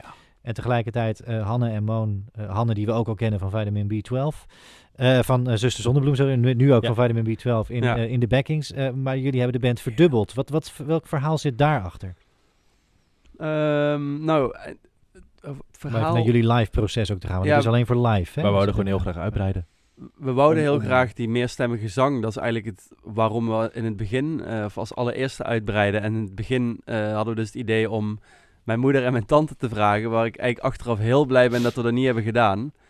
ze Eh, haakte wel zelf af. bedoel- ze, ze kreeg coronakriebels, dus waren ze van... Ja, Ja. Ze, ze kunnen hartstikke mooi zingen, maar dan was het gewoon een heel andere band geworden. Dan wordt het een beetje, ah kijk, hij is met zijn moeder aan het zingen, leuk. Nee, wij zijn gewoon een eigen band. En Zo kan identiteit. ehm, toen zijn we daar zangeressen bij gaan vragen. Dat is gelukt. En daar zijn ik fucking blij mee met Hanne en Moon. En eh, kunnen jullie mij helpen met waarom Quint erbij is gekomen? Eh, we wouden sowieso gewoon uitbreiden. Eh, en we zaten te denken eerst aan een extra gitarist, maar dat vonden we uiteindelijk overbodig. En toen was het toetsenist. En ja, als je toetsenist denkt, dan denk je aan Quint. Ja, Quint is Ja, gewoon we konden Quint al uit het circuit Ja, we, inderdaad. we Het kennen Quint inderdaad al wat langer. Ik speel met hem ook nog in een andere band al voor Vitamin Beat. Voordat Vitamin Beat 12 bestond, speelde ik ja. met, eh, met hem al in Sonny Rag, Ja. mijn tweede band. En Quint is gewoon een fucking fenomenale toetsenist. Dus ja, dat, dat, dat was gewoon Ja. eerste keus, weet je. Ook bij Certain Animals nu. Hè? Ja, Certain eh, ja. Animals, eh Shiverine. Alleen ik weet niet hoe dat nu gaat met die band. Dat is zijn eigen band. En Sonny Rag natuurlijk nu ook. Ja. Nou, eh, al een tijdje geleden. En eh, eh, Hanne en Moon is ook wel een leuk verhaal. Want natuurlijk zijn moeder en tante waren net afgevallen. En toen was het zo van, oké, wie komen er dan? En ehm, toen brachten wij onze single uit. En via Zuster Zonbloem, daar was ik al langer bevriend mee. Die kende Hanne al. Zij zat ook al een beetje in trek dat zij hun nieuwe zangeres werd. Ja. En zij ze hoorde ons singelen en ze was gelijk van, oh, dat vind ik te gek, weet je wel. En toen plaatste ik een verhaaltje volgens mij op Instagram van, hey, wij zoeken twee zangeressen voor een nieuw project. Toen was zij gelijk zo van, zij, zij greep het gelijk vast met alle klauwen die zat van, ik, ik, ik, ik, ik, ik, ik, weet je wel. Helemaal enthousiast. Ja. Dus nou, nou, hartstikke fijn, eh, kom erbij. Toen had ik zelf even een eh, tijdje last, eh, lastig om een tweede zangeres te vinden. Maar toen kwam Hanne zelf met Moon. En Moon zit de klas onder Hanne in, op de Herman Brood Academie. En zij, Hanne had Moon horen zingen in, eh, op een livestream van de eh, Herman Brood Academie Showcases. En zij dacht van, die kan scheuren, die moet erbij. En Ja. eh, toen kwamen we een tijdje later voor het eerst met z'n zessen bij elkaar. Bij, eh, bij in, Quint, in Quintse huis in Oorschot, ligt tegen bij Eindhoven. En toen hebben we een heel weekend gerepeteerd. En dat was gelijk alsof we elkaar al voor, de, voor de zoveelste keer zagen of zo. eh. De magie die wij met z'n drieën hebben, die ging door. Die in- druppelde door Ja. naar z'n zessen. En dat, Ja. dat, was, dat was echt uniek. Dat is heel uniek om Dat dat, dat mee te maken. Ja. Want dat verwacht je niet. Want natuurlijk een nieuw, nieuwe bandleden erbij. En zeker drie in één keer. Dat kan, dat kan. Dat is een muntje die je opgooit. Die kan op twee kanten Ja. vallen, weet je. wel. Waar gaat het heen? Maar ja, gewoon... We hit right home. Tof. Dat En is- Ja, dat, dat is wel eentje die jullie ook eh, hè, voor, voor nu die verdubbeling alleen voor live? Of, of mogen we eh, die verdubbeling ook op het aankomende studioproces gaan? Ze eh, staan gaan ook op de EP die al al een Ja. jaar op de plank ligt. Ja, Ja. ze staan er eh, zeker op. En we kijken eigenlijk per optreden eh, of, of ze erbij, of ze kunnen überhaupt. Agenda's. En, Ja, en, en of het, eh, als het een heel klein kroegje is. Ik bedoel, soms is het ook heel vet om juist weer even terug te gaan naar de kern met z'n drieën. En dan krijg je een heel andere soort show. Maar het, het werkt allebei. Ja. Het ligt er ook een beetje aan waar we over gaan, inderdaad. En ehm, sowieso waarom we ervoor gekozen hebben om de band uit te breiden, is dat Steve sowieso eh, heel erg graag van diepte, eh, heel graag diepte heeft. En, en, en eh, hij luistert ook graag bands als Opeth en ook zo, dat harmonische... Ja, ik miste vooral inderdaad een beetje het harmonische van. Ja. Ik wil graag dat mijn Stapeling. gitaar, dat er nog iets verdubbeld kan worden of zo. En En heb je het met toetsen. Dat, Ja. ga- dat gaat heel goed Ja. met toetsen. Shout-out naar Quint. Shout-out naar Quint. gewoon echt die extra lagen in de muziek zoeken. Ja. Daar is dit heel effectief een, een reactie op geweest in Ja. feite. En Quint is ook gewoon een hele goede songwriter. Met Ja. hem, met, eh, hij brengt jouw muziek gewoon, als hij het vet vindt, naar een hoger niveau. Wat doet die gast gewoon. En daar heb je ook gewoon zoveel aan. Dat is echt heel fijn. Ja, de laatste keer inderdaad hebben we hem bij het schrijfproces betrokken en dan, dan zegt hij Ja. ook wel dingen waarvan je denkt van, vrek, weet je wel. Verrek. Quint, Ja. Jij hebt gelijk. Ja, precies. Ja. Ja, dat is mooi dat je die in die, in die zin dus ook echt artistiek ook verbreed wordt. Het, En- is niet en, alleen, het is niet alleen een live band. Het is echt gewoon, ze zijn een, het is een onderdeel van de familie. Ja.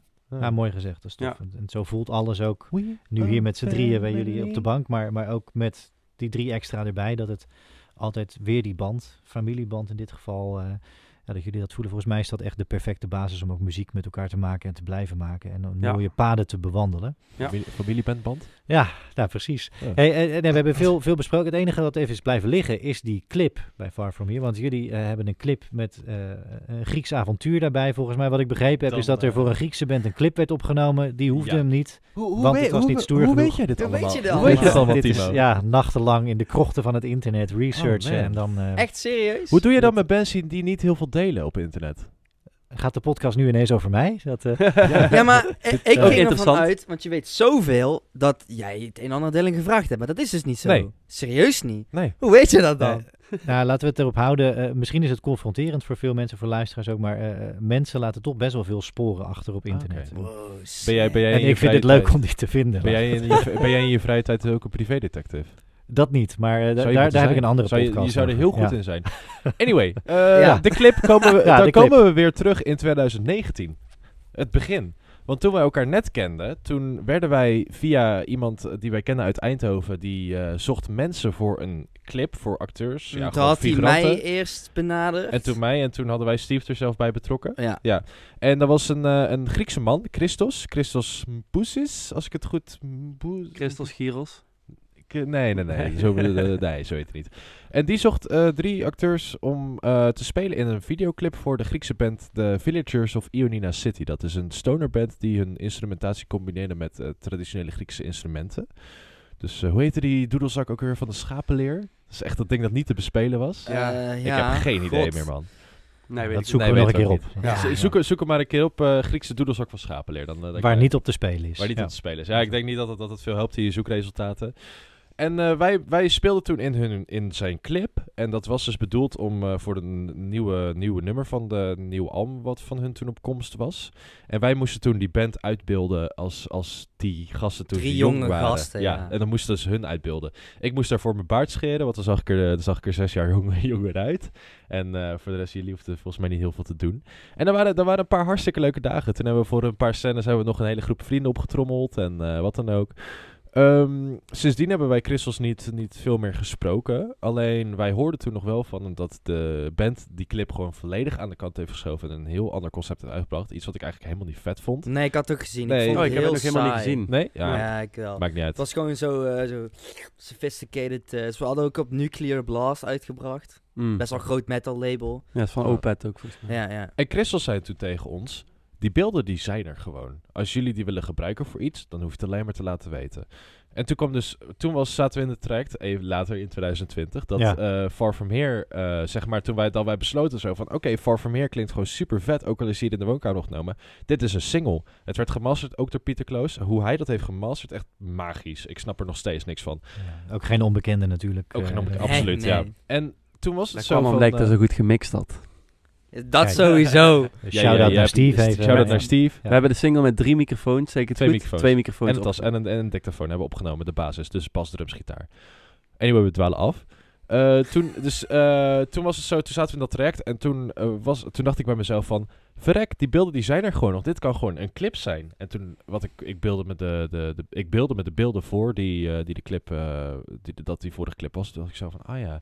Want we waren een beetje in een bos aan het doen alsof we helemaal aan het spacen waren. We waren de stad uitgerend, want we werden achterna gezeten door beveiligers, Ja. weet je wel. We werden weg, weggejaagd van de skatepark en zo. En die story, we werden achterna gezet door beveiligers. Daar kwam ik dan mee, zeg maar. Ik zo, yo, het vertelt echt precies.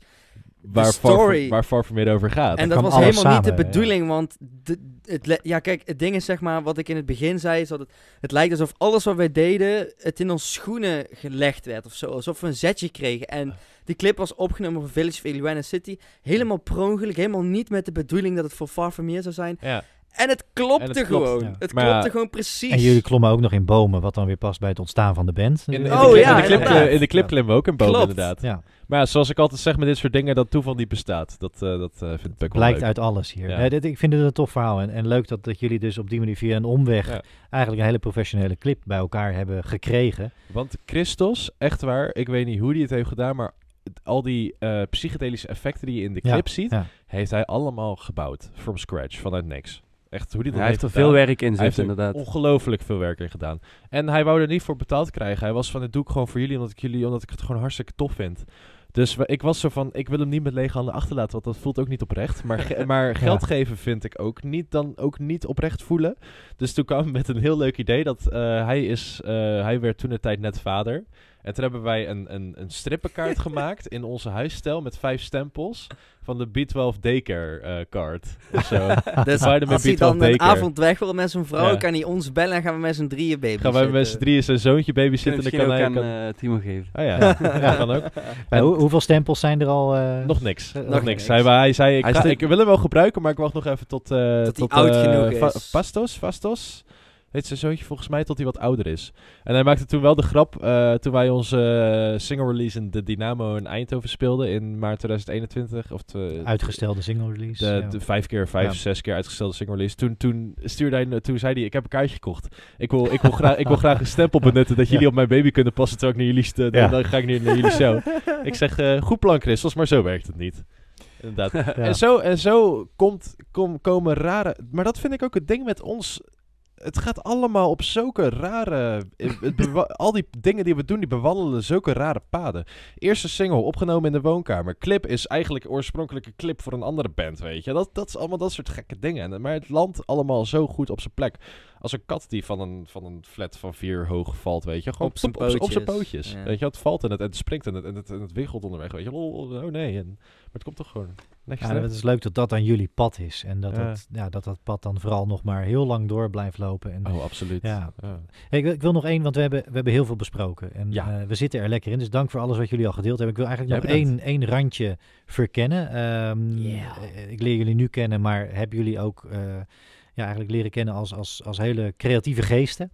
Eh, creatieve mensen die met een enorme DIY-mentaliteit, die veel zelf doen, veel zelf aanpakken en oppakken. En van aanpakken houden ook. En, en eh, of dat nou muziek is of, of andere manieren van je creativiteit uiten.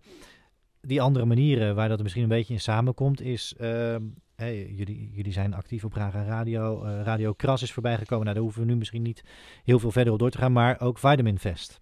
Ja. En eh Vitamin. Fest, dat is jullie eigen festival. Jullie festival, ehm dat eigenlijk vorig jaar had, had, had moeten plaatsvinden. Hè? En, en, en dat is helaas toen niet doorgegaan.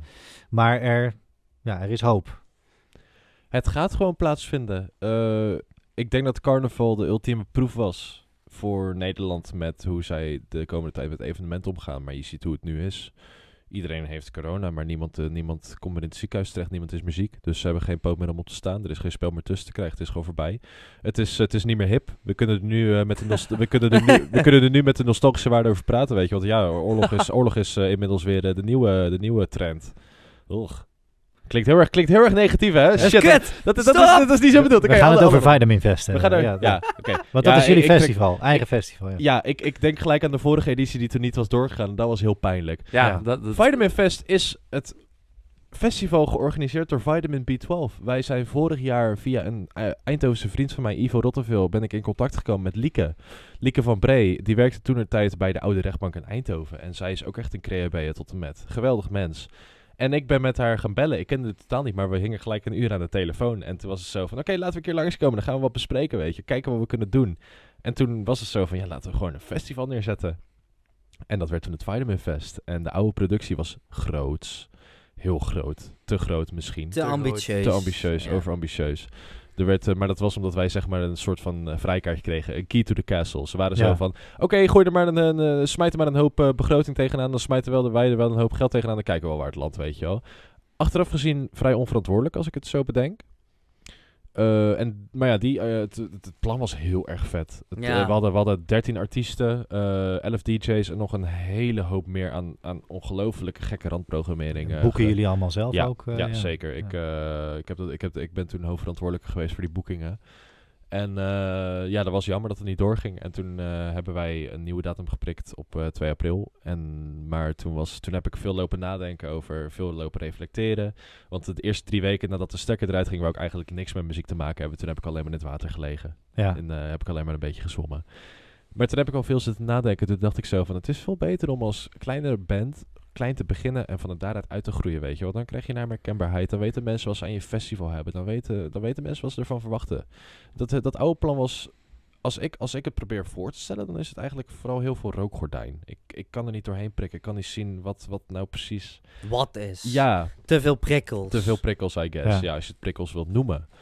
En Ja. ehm, toen hebben wij... eh, ik werkte toen destijds... eh, ben ik begonnen met werk achter de bar bij de Blue Collar Hotel op Strijpes in Eindhoven. Een hele vette plek. Echt een echte rock'n'roll bar. Echt ge- dat zou je geweldig vinden. En eh, ik, ik werk daar door het festival. Want ik heb toen Bart van den Dijssel, de eigenaar, benaderd van... Hey, jullie hebben een hotel. eh, kunnen, kunnen wij een deal sluiten over dat de artiesten bij jullie kunnen overnachten na het festival? Dat was helemaal tof. Super goed geregeld. Gaf me een hele goede deal, weet je. Want hij weet ook zo van... Ja, deze jongens die staan gewoon echt voor cultuur in de stad. ja. Dan wil ik graag gewoon een zetje in de rug geven. Veel Hartst- support in de stad. Hartstikke ja. fijn. En ik heb, dat is bij mij luisteren steken. En eh, toen de tijd hield mijn studiefinanciering op, omdat de studie klaar was. En toen was Ja. zo van, ja, nu moet ik weer een baantje zoeken. En toen eh, ben ik daar gewoon binnengestapt van, hey, kan ik hier werken? En toen was zo van, ja, is goed. En dat is nu inmiddels al eh, meer dan een half jaar geleden. Maar Bart die zei toen tegen mij altijd van, hey, er is hier een hartstikke mooie theaterzaal. Als je iets wilt neerzetten, dan kan dat. Weet je, de, de mogelijkheid is er als je gewoon met een goed plan komt. En het was zo van, ja, het Vitamin Fest, het concept staat al op als een, eh, als een huis, het staat op zijn poten. Waarom brengen we het niet gewoon hierheen? Alleen we hebben toen als resultaat daardoor wel kleiner gemaakt. Voor die oprechtheid. Gewoon Ja. echt, inderdaad dus weer die echtheid. En eh, dat, is, eh, dat heeft toen heel lang op een laag pitje gestaan. Omdat je gewoon niet wist, ehm, de data die stond, de datum. Toen de tijd het is inmiddels data geworden. Maar daarnaast konden we er gewoon niet heel veel meer mee. Ik liet alle artiesten die ik vorige keer had geboekt en met een potlood in de agenda opschrijven. En voor de rest kon je gewoon niks. Nee. En toen eh, laatst, het is vandaag woensdag, twee weken geleden, twee weken geleden vanaf vandaag, zat ik aan de bar met mijn collega die over de theaterzaal gaat. En toen heb ik het, eh, heb ik het allemaal gewoon in één keer zo boef uitgelegd. Toen zei hij zo van, hey gast, als ik zie eh, hoe de wereld er nu uitziet en waar het heen gaat, is dit gewoon een dikke go. Ga maar aan de slag. En toen, heb ik, eh, toen hebben we het gewoon bam in de mal gegoten. Gewoon de bestaande productie die je had, gewoon, gewoon bijschaven, weet je. Dus alle randprogrammering is eruit. Het wordt nu eh, twee dagen, 2 en 3 april. Een zondag, zaterdagavond en een zondag matinee. Dus loop van de middag beginnen, vroege avond kappen. Dan kunnen mensen nog naar huis om maandag weer, weer een ding te doen. ja. En eh, er zullen zo'n negen acts spelen en eh, twee DJ's per dag. Dus eh, op de zaterdag spelen er vijf acts en twee DJ's. En op de zaterdag vier acts en twee DJ's. En dat is het. Gewoon een bandavond. eh avond slash dag. Slash Ja. twee dagen. Weekend, weekender. Dus dat, dat, de organisatie loopt echt als een vuurtje. Dus ik ben er zoveel tijd en werken aan het stoppen, maar het gaat zo goed. En ik vind het hartstikke leuk om te doen. De line-up is sinds gisteren definitief rond. Eh, het festival is inmiddels aangekondigd. De ticketverkoop die loopt. Eh, de promotie die loopt als een tierenlier. Ik kondig zo meteen weer de, de, de, de volgende band. En dat zijn wij toevallig. Ja, dat, dat, dat moet toevallig, ja. Toevallig, heel toevallig. Nou, Op nee, toeval, toeval bestaat niet, hè Puk? Ja. Dat eh, hoort ze later wel terug, vindt ze leuk. Ja, het leuke is, van, eh, mensen horen dit eh, nou, hopelijk dan voor eh, 2 en 3 april het. 2022. En horen ze het later, dan weten ze in ieder geval dat het festival er, er is en hopelijk nog volgende edities gaat krijgen. Ik hoop het ook. Ehm, maar ontzettend tof dat jullie dit doen en ontzettend, ja, wat mij betreft ook passend bij wie jullie zijn en hoe, hoe jullie je creatief uiten. En daar dus ook heel veel andere en andere bands, in dit geval andere artiesten bij betrekken. Eh, ja, dat, dat vind ik tekenend voor jullie. En, en dat, dat vind ik ook heel mooi. Dus hou dat vooral ook echt, echt vast. Dankjewel. En, en ja, waar ik mee af wil sluiten, want we zijn, we zijn lekker op, op weg. En, ehm, eh, maar ja, goed, de rubrieken wachten ook nog. Overigens wil ik de luisteraars ook nog even oproepen, want we zitten hier lekker te praten en we willen dat iedereen erbij betrokken is. Eh, maar tag ons eventjes op, op Instagram, Twitter, eh, neem ons mee, uh, Podcast of uiteraard Vitamin B12 ook. Neem ons allemaal mee, we willen weten waar je zit, waar je dit luistert, in hoeveel luisterbeurten en wat je van de podcast vindt. Dat vinden we allemaal leuk om te horen. Maar dat terzijde, ik wil afsluiten dit deel met, met, met één vraag, want toen een pijnlijk moment Vitamin Fest vorig jaar niet door kon gaan, de 21 editie. Ja. Ehm, ik las op, op Facebook bij jullie uh, eigenlijk de concrete vraag aan de volgers, stelden jullie, wat is live muziek nou echt waard voor jou? Ja. Dat, die vraag is vanuit mij gekomen. Ja, dat is, dat is een kern. Ja, daar zit een kern in die volgens mij heel, heel diep gaat en heel diep raakt aan, aan wat het misschien voor jullie is. Maar ik vraag me eigenlijk af, wat is het voor jullie waard? Want het is, het is misschien wel gewoon een, een, deel, een manier van leven ook voor jullie, live muziek maken. Maar wat is het voor jullie waard? Muziek is, uh, wat, wat Rowan net zei, het is gewoon een primaire levensbehoefte. En daar komt alles bij kijken in muziek. Maar optreden is daar gewoon een onderdeel, echt een cruciaal onderdeel van. En mensen zijn dat makkelijk vergeten. Oh, het is voor mij heel erg het gevoel, ook op het moment als ik in het publiek sta. Um, Geweldig. Het is zo fijn om op een plek te zijn waar iedereen leren jassen draagt en iedereen staat te headbangen. En ook het gevoel, weet je wel. En ik probeerde dat gevoel door middel van gitaarspel terug te krijgen op een plek waar ik mijn amp flink kon opschroeven. Om dat lucht tegen je buik te voelen. Dat die amp blaast, weet je wel. En dat gevoel, dat had ik niet. En dat maakte me zo verdrietig eigenlijk. Want ik moet gewoon die blazende band in mijn face hebben. Ik moet die fus in mijn oren horen scheuren, weet je wel. en ook als ik zelf optreed, ik wil gewoon mezelf fucking goed terug horen. En dat is gewoon zo lekker om met spelen het publiek daarop te zien te reageren. En dan merk je gewoon dat er een soort van wisselwerking is. Want muziek is, is, is lucht en daarmee communiceer je. Het is een manier van communiceren zonder woorden of zo. En dat is iets wat mensen heel erg nodig hebben. En, en dat is gewoon wat live muziek maken en meemaken uh, is. En dat is gewoon belangrijk voor iedereen. De meest amuzikale mensen, die, die weten het van zichzelf niet, maar die hebben dat ook nodig eigenlijk. Want ze kunnen misschien niet dansen, maar ze gaan wel goed als er een keer een nummertje van ABBA voorbij komt en ze kennen het meeblaren. En dan komt er nog een biertje, nog een biertje. Voor het hebben ze een leuke avond gehad. En de volgende dag dan willen ze over, of dan wil iemand met diegene over muziek praten en denkt hij dat hij dat niet kan. Maar weet je wel, dat is een beetje een ja, slimme verwoording. voor de, een muzikantenverwoording. Ja, ja en heel gepassioneerd ook, dat is mooi. Dat, ja. Uh, ja. Steve? Passie spatten vanaf. Um, zowel voor als band zijnde en als toeschouwer. Het brengt echt mensen samen. En in de coronatijd mocht je niet eens samenkomen, want dan komt er acht man politie aan je deur. maar nee, maar ik, ik, ik heb echt laatst gezien, um, uh, dan als toeschouwer bij, bij, bij een, bij een, uh, bij een dubstepfeest, want ik hou ook heel erg van elektronische muziek. Man, dat is vet. Wat het nou eigenlijk echt met je doet om in een zaal te staan met vreemde mensen, met allemaal liefde voor diezelfde muziek, want je gaat allemaal daar naartoe omdat je van die muziek houdt. En je staat uh, borst tegen borst, schouder tegen schouder, sta je tegen mensen aan. Als jij die op straat zou tegenkomen, dan sta je daar niet zo dichtbij. En juist omdat je allemaal met dezelfde passie en liefde naar uh, iets toe gaat, dan voel je gewoon verbondenheid. En, en ik denk dat heel veel mensen kunnen meepraten met mij dat coronatijd echt wel een soort van, ja, een soort van een best wel depressief randje had. En dat je dat gewoon heel erg mist. En ik ben na dat feest echt helemaal teruggekomen naar het niveau waar ik daar voor de coronatijd al op zat. Dus ik heb toen heel erg beseft van... Uh, het wordt echt onderschat wat zo'n avond met je doet als mens.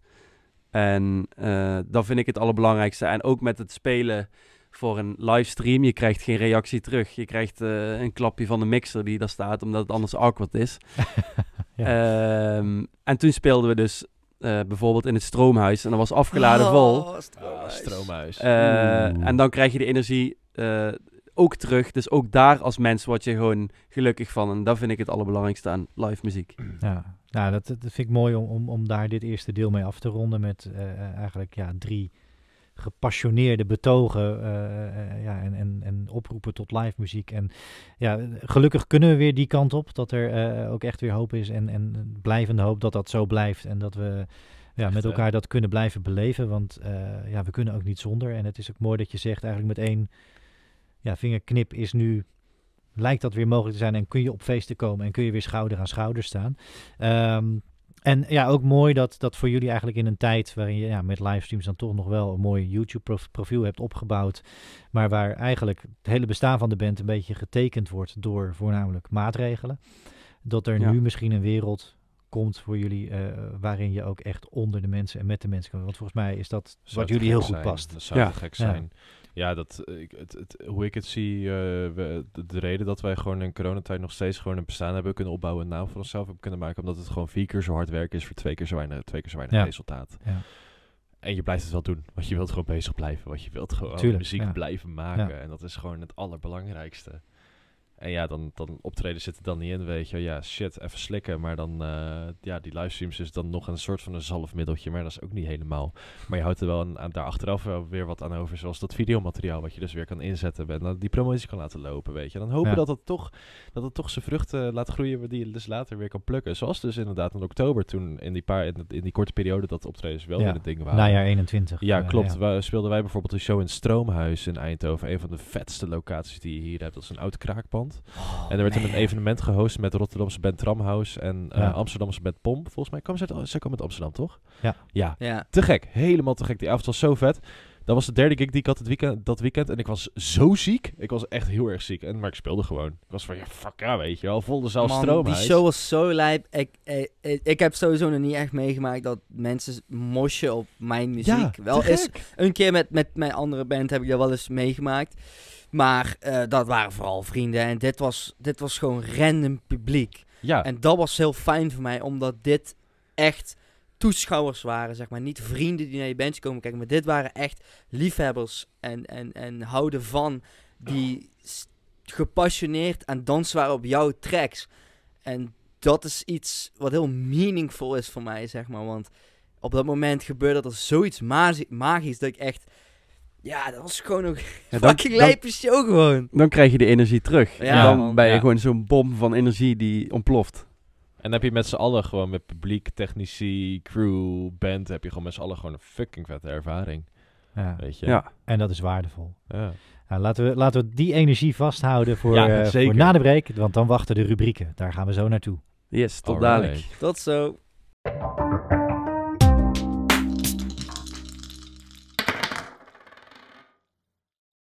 Oké, we zijn er weer voor, eh, voor het tweede deel en voor de rubrieken. Die, die wachten op ons. En, en ook hier liggen de dobbelstenen weer klaar. Die, eh, die, die, die lachen ons toe. En jullie lachen terug. Dus ja, dan moeten we dan, daar maar iets mee gaan doen. Eh, wat we gaan doen, we gaan straks gaat iedereen twee keer gooien. En ja, daar komt met twee dobbelstenen een, een getal uit van 2 tot en met 12. En daarbij hoort een vraag, die ga ik jullie stellen. Dus het lot bepaalt welke standaardvraag ik jullie ga stellen. Daarna heb ik nog vijf dilemma's op maat voor jullie. Rug tegen de muur, wat zou je antwoorden? En dan sluiten we af met de grote vraag, de grote levensvraag, waar jullie over vijf jaar als band staan. Nou, dat is wat we gaan doen. Eh, en, en we starten met die dobbelstenen. En ik wil jullie eh, ja, dat hier niet zo uit laten vechten. Dat gaan we eh, eh, met de dobbelstenen uit laten vechten. Wie er mag beginnen. Met dank aan, aan de band Wies die ons dat heeft, ja, heeft, heeft, heeft- eigenlijk de podcast heeft gegeven als idee. Leuk. Gooi dan met één dobbelsteen iedereen een keer om te kijken wie het hoogst gooit. En diegene mag beginnen. Dus Dylan, dan mag jij deze ronde beginnen, maar dan met één dobbelsteen. Er gaat hier een frisbee Ik rond kan, niet, ik, kan, ik, ik kan niet bij de frisbee. Steve, dankjewel. Één eh, dobbelsteen. Ik Eh, gooi vier. Oeh, dat is, vier, eh, dat is een mooi begin. mooi begin. Ah. Eén voor Rowan. Ja, dat, dat gaat hem niet worden, denk ik. Hey, en Steve vijf. zegt er vijf tegen. Dan mag Steve beginnen met twee dobbelstenen. Kijk wat eruit komt. En die vraag ga ik je stellen. Ze zijn er echt, ja. Zeven. Zeven of, of zeven. Zo. Zeven. Dat is de eerste vraag. Eh, Steve, bij wie zou jij met Vitamin B12 nog wel eens in het voorprogramma willen spelen? Oh, hele goede vraag. Ik denk dat jij dat wel Ja. weet. Eh, eigenlijk, Camel is mijn lievelingsband. Maar dat is een progband en die zijn nu heel oud. Maar ik zou eigenlijk eh, het allerliefste bij Supergrass in het voorprogramma willen Oeh, spelen. ja, Ja, man. Supergrass. Dat is, dat is mijn tweede favoriete band eigenlijk. Ja, dus, dus Camel mag. Maar die zijn een beetje oud, dat klopt niet meer. En, hun, Supergrass, en is, Supergrass ja, ook wel, maar zijn die er zijn weer. Ja, Ja? ze zijn wel. Ja, ze, Ja. ze, Oh ze, klopt, ze ja. toeren gewoon, volgens mij. Binnenkort weer in Engeland, volgens mij. Ja, maar antwoord Supergrass. Supergrass. En, en dat gewoon echt puur uit hoe je ze als band ziet. De muziek die je, eh, Ja, ik- die je lief hebt. Wel, maar de iets energie die je je- ook jezelf... De energie die hun hebben en ik haal heel veel inspiratie uit hun songwriting en ja, ik, ik denk dat wij er heel goed bij passen. Ja, Ja, soms dan, eh, dan eh, onbewust dan sta ik er even bij stil en denk ik echt, dat is echt super, super grass-achtig. Twee van onze Ja. songs hadden ook als werktitel Supergrass 1, Supergrass 2. Ja, en de rol van de studio die zei het nog van, hey, Ja. dit is een beetje supergrass. Dat was Laatste, helemaal niet eh, bedoeld. laatste maar- single die we, die we deze maand hebben opgenomen. Of nou ja, inmiddels alweer vorige maand. Ja, Supergrass vet. Dus eigenlijk ik vond die, gewoon een hele logische optelsom. Dat moet het worden. ja. Zeker, 100%. Ik vond die, eh, die documentaire die jij ons liet zien. eh, van dat een, was leuk. Een hele leuke, ja, we hebben een hele keer leuke met z'n allen een vette docu gezien over hun en toen, Dat jij kon, ja. ze nog, kon ze nog niet of wel? Ik kende ze nog niet heel goed. Maar daar zaten ze in dat, boerderij, zaten ze in dat Ja. boerderijhuisje. Weet je, al zaten ze super veel te blowen en eh hun plaats schrijven. En dan uit, uit het raam zagen ze gewoon een wij met allemaal koeien staan en zo. Ja. En dan opeens waren, en dan werd het opgepikt en dan zaten ze opeens in Japan, weet je, en in Australië eh, videoclips te schieten. En eh, dat is een heel vet om dat mee te maken. Inderdaad ook weer dat echtheid, weet je. Je ziet gewoon waar ze beginnen, je ziet gewoon wat die Ja. gasten zijn. En je ziet ook gewoon, ook al zitten ze in fucking Japan op een megatour, het zijn nog steeds dezelfde gasten waarnaar je zit te kijken. True. Nou, mooi, ook nog een mooie kijktip erbij dus voor de luisteraar. Dus eh, deze, deze docu ook echt even Hoe heet, do- hoe heet die docu precies? Ik weet niet, het was zo'n verzamelboxje met best of of zo. En dan zat er een documentaire bij. Leuk. Even, even raden. googlen. Ja. Oké, nee, dank eh, Steve voor, eh, voor deze worp en voor dit verhaal. Eh, we dan met de klok gaat, mee? ja, laten we dan naar, Naar naar Rowan. Gaan. Met de klok mee. Ik kwam wel vast Oké, thanks. Steve is ook de frisbee nu. Rowan gooit vijf. Vijf. Nou, voor jou dan de volgende vraag. Eh Rowan, waar zou jij nooit willen spelen met Vitamin B12? Muziekcafé Helm. Muziekcafé Helmond. Daar Daar, hadden- hoort daar een hadden verhaal bij Daar volgens hadden wij een mij. gig staan, jongen. Nee, grapje. En dat werd kei Ehm, leuk.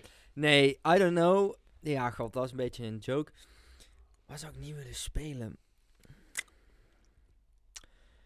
Dat is lastig. Ik zou niet, het is lastig. Ehm, ik zou niet op een plek willen spelen waar wij ehm, als band weg worden gezet als iets wat we niet zijn. Dus stel je voor, we krijgen speeltijd. En we moeten net zoals bij Top of the Pops of bij Eurovisie Songfestival eh, niet live spelen. Dat zou ik niet doen. Dan zou ik zeggen, ja, sorry, maar dan houd het op, zeg maar. Ik, ik, on- ondanks de attention of zo, bladibla, maar ik denk dat als je op zo'n grote productie komt, eh, waarin je dat mag doen en je niet eens live kan spelen, omdat het zo'n productie is, ja, dan, dan zou ik zeggen, nee, dat hoeft het voor mij niet, zeg maar.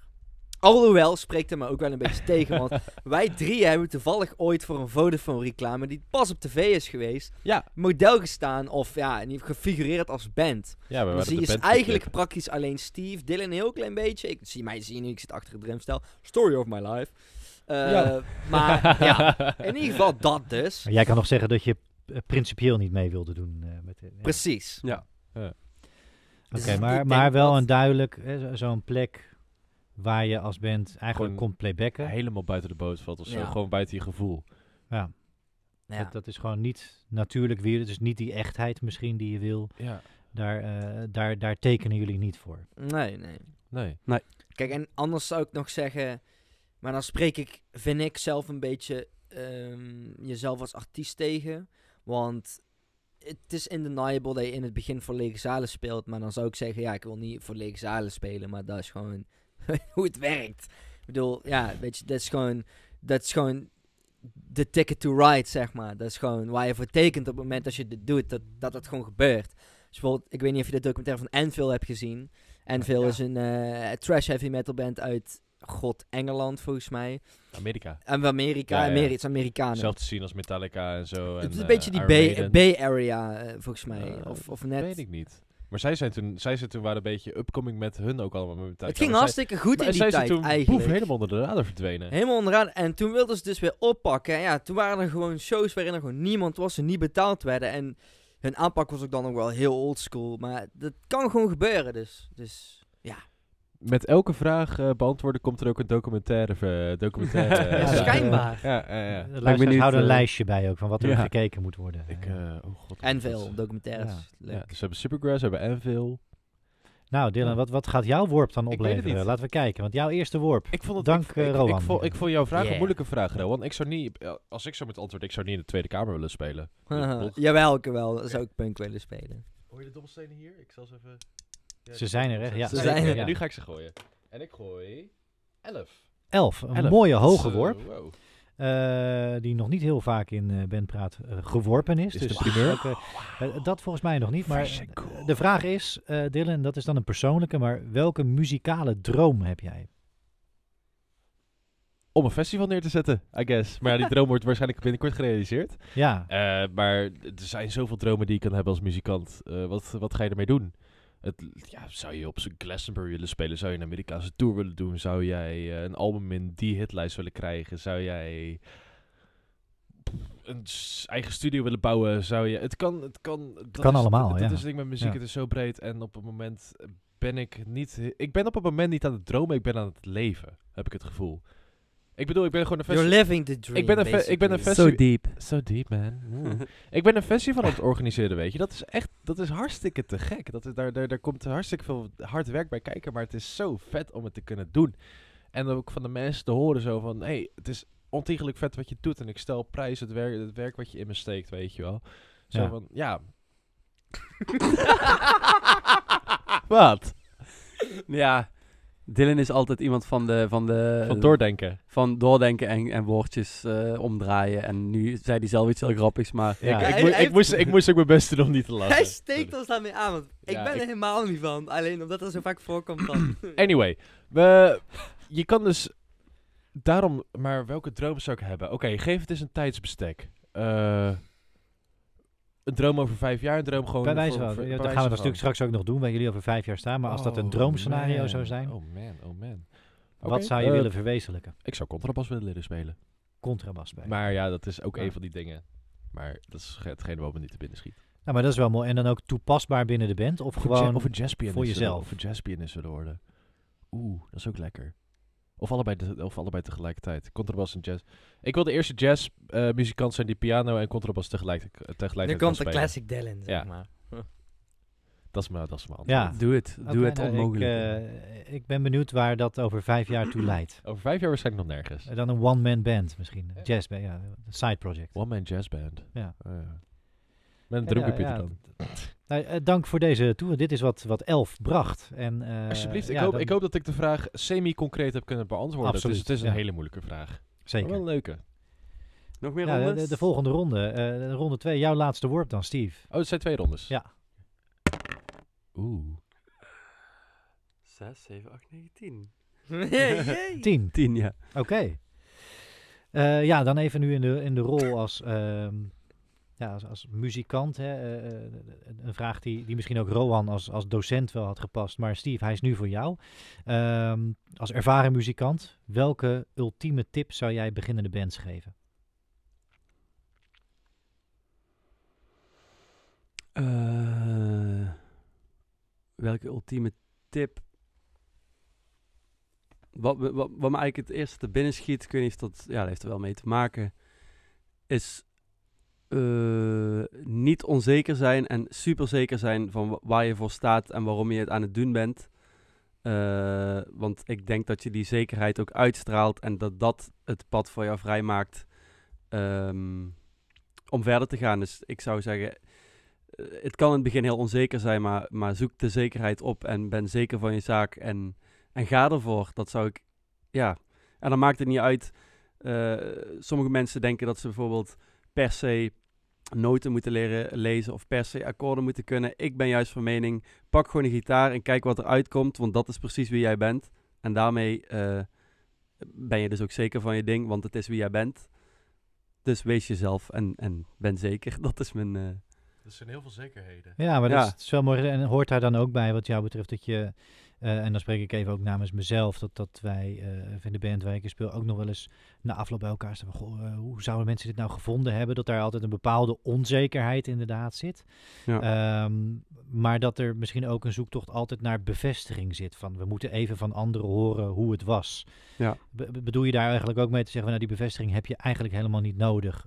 Ga gewoon lekker spelen. Jij doet wat jij wil. En straal dat uit in die zin van zekerheid. Ja, zeker. Ik, ik, Ja, ik, eh, mu- muziek maken is zo'n persoonlijk ding. Het, eh, het is best onlogisch dat je daar onzeker van kunt worden. Om, omdat het voor mij is het gewoon echt letterlijk een verlengde van mezelf. Dus ik uit mezelf door, door muziek. Eh, en soms zoek je dan inderdaad bevestiging op. Maar het is eigenlijk veel chiller om die bevestiging niet nodig te hebben. Want dan, dan doe je ook iets echt vanuit jezelf. Want Ja. anders ga je misschien muziek maken van... Oh, wat zou het publiek willen horen? Nee, maak het gewoon waar jij wil. Als jij 10 minuten op, op, een E-snaar wil rammen, dan ga je dat doen.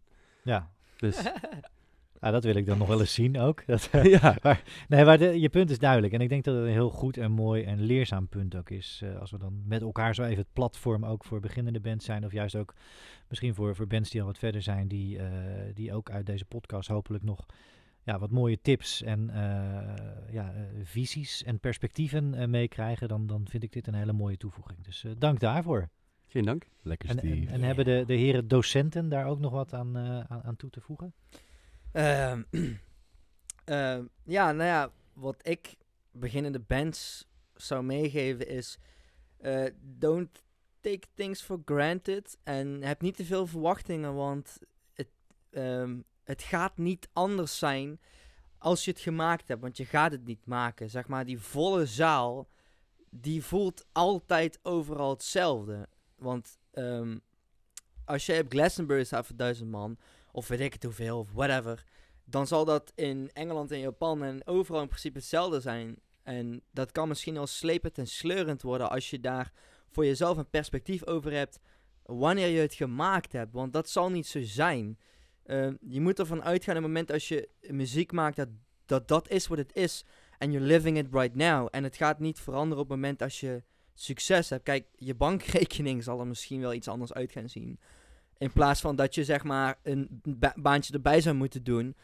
Maar het kan ook heel gevaarlijk zijn dat misschien de magie weggaat van de muziek. En het is belangrijk om heel goed in de gaten te houden en heel dicht bij jezelf te blijven. En niet je te laten afleiden door al die kleine dingetjes. Waardoor je dan misschien succes zou hebben of zo. Want ik denk dat je succes hebt als je een plaat uitbrengt die mensen graag luisteren en dat bijblijft. En dat je een verhaal brengt en een story. En, en dat je iets te vertellen hebt en dat je iets betekent, zeg maar. Want eh, naast alleen goede muziek uitbrengen, er is meer als alleen dat, zeg maar. En ik merk en voel dat heel veel bandjes die nu goed zijn, eigenlijk geen verhaal meer hebben. Ze hebben geen story. Het zijn goede, onderbouwde muzikanten met een scholing, maar er is geen story. En al die bands en al die muzikanten, ik neem zelf heel erg graag Iggy Pop als voorbeeld, of Ozzy Osbourne, helemaal geen goede zangers per se. Maar ik geloof hen wel elke keer als ze zingen. En dat komt niet omdat ze zo goed zijn en, en omdat ze eh, geschoold zijn of een eh, terts kunnen onderscheiden van een kw- kwint of zo. Maar dat komt omdat ze iets te brengen hebben en ik geloof dat. En dat geldt hetzelfde voor een gitarist. Beetje hetzelfde als Jimi Hendrix. Ontzettend goede onderbouwde gitarist. Weet echt wel wat hij doet. Ehm, maar ik denk dat zijn carrière, als hij langer had geduurd, misschien niet ehm, langer vers was gebleven, zeg maar. Als, als, als hij de kans had gekregen. Want ehm, ja, hoe moet hij nou vernieuwend blijven, zeg maar? Dat was misschien wel helemaal niet... Had misschien helemaal niet gekund. Hetzelfde met Amy Winehouse. Beetje misschien hetzelfde ook met Kurt Cobain. Maar juist omdat ze die story hebben, zeg maar... En dat ze allemaal bij de Club 27 horen... Hebben ze een bepaalde legacy achtergelaten. En ik denk dat dat belangrijk is om op te focussen op het moment dat je muziek uitbrengt. Dat je iets geeft waar mensen aan kunnen relaten. En dat het tastbaar is. En focus niet op hoe sick die track misschien is. Maar focus op... Geloof ik nou eigenlijk wat ik echt gespeeld heb? Raakt mij daar nou? En ik denk dat als je jezelf dat gaat afvragen, dat je dan misschien wel heel ver gaat komen. Maar je zult altijd moeten onthouden dat dat een misschien is. En als je dat in je hoofd blijft houden, dan zul je waarschijnlijk wel ergens komen. Maar met de verwachting dat je ergens gaat komen, zul je als artiest het niet gaan maken in deze industrie. Want het werkt gewoon niet meer zo. Dus ja, dat is eigenlijk het enige wat ik heb te zeggen. Heb. amen. Amen, amen. Praise, praise, uh, praise the music, man. ja. Nee, dat, ja, eh, ik vind het een hele mooie toevoeging. Dankjewel, uh, Rowan. En dat, dat heel veel eigenlijk tot nu toe... Uh, ja, dat daar bij jou toch ook heel veel passie in zit. En ik denk dat dat misschien nog wel dan een extra toverwoord is voor, uh, voor muzikanten. Maar zeker ook voor wat, voor wat jullie doen. Maar dat, dat verhaal, de kern van wat je doet. Het is een flink Ja. verhaal. Ja. Zeker. Loving what you're doing, man. En de moral of the story is dus dat je gewoon bij Club 27 moet horen. Nee, niet. achterlaten. Dan heb ik nog drie uitgegaan. Oh, nou, tijd om lol te maken. En je zei net, je zei net Rowan, dat Ozzy een, een terts niet van een kwint kon onderscheiden. Ja, waarschijnlijk wel. Maar, maar, maar, Ja, maar kan ja. jij kwint wel van zijn orgel onderscheiden? Eh, nee. Nee? Oké. Oké, nou dan eh, mag je nu zelf gooien. Oh ja. Dank. Ja. Geen probleem. Eh, wacht. Oh, Zo, ja. Mike, zo. Ja, dit, dit was spectaculair. Eh, en je gooit 10, maar die, die is dus al geweest. Oh, die nog heb je net ook al? beantwoord nog. Oh ja. Dan gaan we gewoon nog een keer. Vijf. Ja, die, die Yeah. heb je ook al beantwoord net. Oh shit, dat is Ja. waar ook. Ja. Drie. Drie. Nou, Drie. het mag een Ja, die, eh, ja precies. Dit is, dit is ook Drie een keer, mooie drie keer voor jou. derde keer drie. Derde keer drie.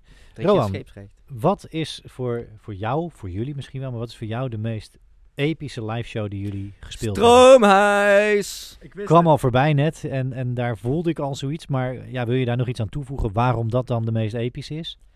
Het was gewoon zo fucking lijp om... ja, nee, ja, serieus. Niks, niks meer, niks minder. Ja, gewoon einde, volgende lijp Om ehm, echt... Kijk, meestal als ik, als ik... Want dat is gewoon het begin. Het, als beginnend bandje heb je gewoon nog geen ehm, fanbase, zeg maar. Je hebt gewoon vrienden die naar je shows komen kijken en die hebben lol. En die vinden het vet en die bevestigen dat het cool is. Terwijl ze misschien wel het heel tof vindt om gewoon een pintje te zuipen en gewoon een bandje te willen horen. En het, ik vond Stromae zo nice. En dat was, dat, dat was voor mij bevestigd. Want ik, ik, heb geen mensen nodig die tegen mij zeggen... Oh, ik vond het echt vet, bla. Ehm, het, ik, de bevestiging voor mij is dat mensen ook echt laten zien dat ze het vet vinden. Omdat ze erop bewegen en dat ze ervan genieten en dat ze erop losgaan. En dat er beats in de lucht vliegen, dat er gemorst wordt. En dat mensen meedoen met jou. En ik merkte ook op het moment dat ik, dat ik aan het spelen was, dat ik de vaste vorm van de songs een beetje losliet. En ook gewoon letterlijk op het moment van, yo guys, stop, want ik voel iets, wat er moet, moet nu iets gebeuren. En op een gegeven moment gebeurde er gewoon iets wazigs, want ik deed een random opbouw die er eigenlijk helemaal niet zat. Die veel langer duurde ook als dat moest zijn. Maar ik merkte dat ik gewoon echt op het publiek aan het afwachten was. En aangezien ik de drummer ben, kan ik dat ook bepalen, zeg maar. En ik, ik had het gevoel dat ik die hele avond, die hele zaal, elke vierkante meter onder controle had, zeg maar. Ik voelde me echt als een soort van Doctor Strange die zo, zo mm, weet je wel. Ik had die hele zaal in mijn handen Jij had gewoon. sowieso echt wel het voortouw bij die show. Ja, en dat, was gewoon vet. eh, En ik merkte dat ik die crowd op, crowd op aan het hypen was. En dat was zo lijp. En ik had zoiets van, ja, dit is een beetje hoe ik het bedoel, zeg maar. Dat doe je wel vaker bij, eh, bij shows dan... Je hebt altijd in het begin wel eens dat mensen nog niet helemaal vooraan komen staan Ja. bij het podium. En, en je hebt mensen die daar niks mee doen. En je hebt En je hebt Rowan die Rowan. gewoon schreeuwt... Kom naar voren! Nou, je gaat nu naar voren Wij, komen. waren, wij, wij, wij, wij speelden op eh Puur Natuur Festival in Zeeland. In, eh, toen, zeg maar, dat was zeg maar die ene anderhalve week dat zeg maar, evenementen weer het ding waren. En toen ging het er weer af. Even Dat naar was, jouw zeg maar, dat was in eh, het, Zeeland. In, ja, in, eh, het, eh, in het voornieuws, eh, in, het- in het voorjaar van 2021 bedoel ik. Oké, ja. Dat, was, dat, dat was die periode. Ja. En inderdaad, eh, wij speelden en mensen waren... Dus er waren wel heel, een paar mensen die echt wel het echt vet vonden. Maar vooral heel veel mensen stonden gewoon achter een beetje hun ding te doen, weet je wel. En Rowan, die, die bij het laatste nummer was zo van... Yo jongens, laatste nummer. En hij springt van zijn drums aan de microfoon. Toen pakt de microfoon was... Gasten, wat, eh, wat moet het nou weer, jongen? Je, je, hebt, je hebt twee jaar niet meer kunnen feesten. Kom eens ervan. Weet je wel. Nou, ik, ik was misschien een beetje boos. Nee, ik was niet boos, maar... Ja, dat je het niet begrijpt. Ja, nou ja, Ja, ik, ik, had- ik, denk ook wel, ja, je zag wel gelijk hoe mensen wel, de, hoe snel mensen wel gewoon in de oude gewoontes terug willen schieten, weet je. Zo van, oh, de eerste band die opent, want wij eh, hadden een, eh een uitvallerspot opgevuld als eerste band van het festivalletje, was middags.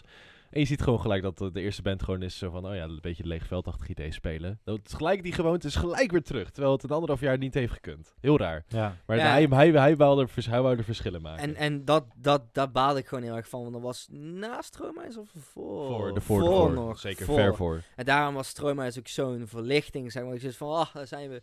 En ehm, Hmm. kijk, dat, wat, wat, ik nu, wat ik nu zeg, spreekt een beetje tegen wat ik net heb verteld. Is dat ik die verwachting had, zeg maar. En dan, ehm, dat is niet goed. En daar leer ik ook van, zeg maar. En da- dan eh paid zo'n Stromae show, dat paid off, zeg maar. Ehm, maar ja, heb geen verwachtingen, zeg maar. En dat had ik toen op dat moment wel, en daar baal je daarvan. En dat is Ja. dan jammer, zeg maar. Want het was wel gewoon een toffe Ja, show. Daar leer je van. Ik vond het een hartstikke leuke show, echt Ja. waar. En ik denk ook natuurlijk wat eh, natuurlijk al die, al die shows die wij voor lege zalen hebben gespeeld. Je leert gewoon dat je gewoon altijd zonder publiek ook gewoon een feest kunt bouwen. Precies. Altijd. Ja. En gewoon, eh, ik doe het gewoon sowieso voor die paar vierkante meter dat het podium is waar wij met z'n zes op staan. Als dat gewoon een keihard feest is, weet je wel, ja, dan hoeft er voor mij niemand bij te zijn. Hoor. Dan kunnen we gewoon met z'n allen gewoon keihard rocken. Dat is Ja. kei leuk. Man. Oké. Ja, nee, eh, dank ook voor deze ja, eh, epische toevoeging. eh.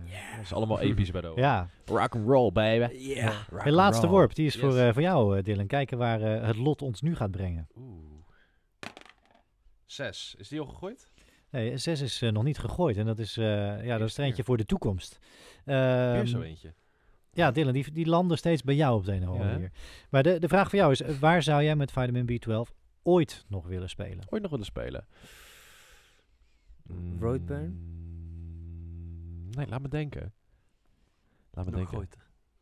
Eh, langs de kust van Europa.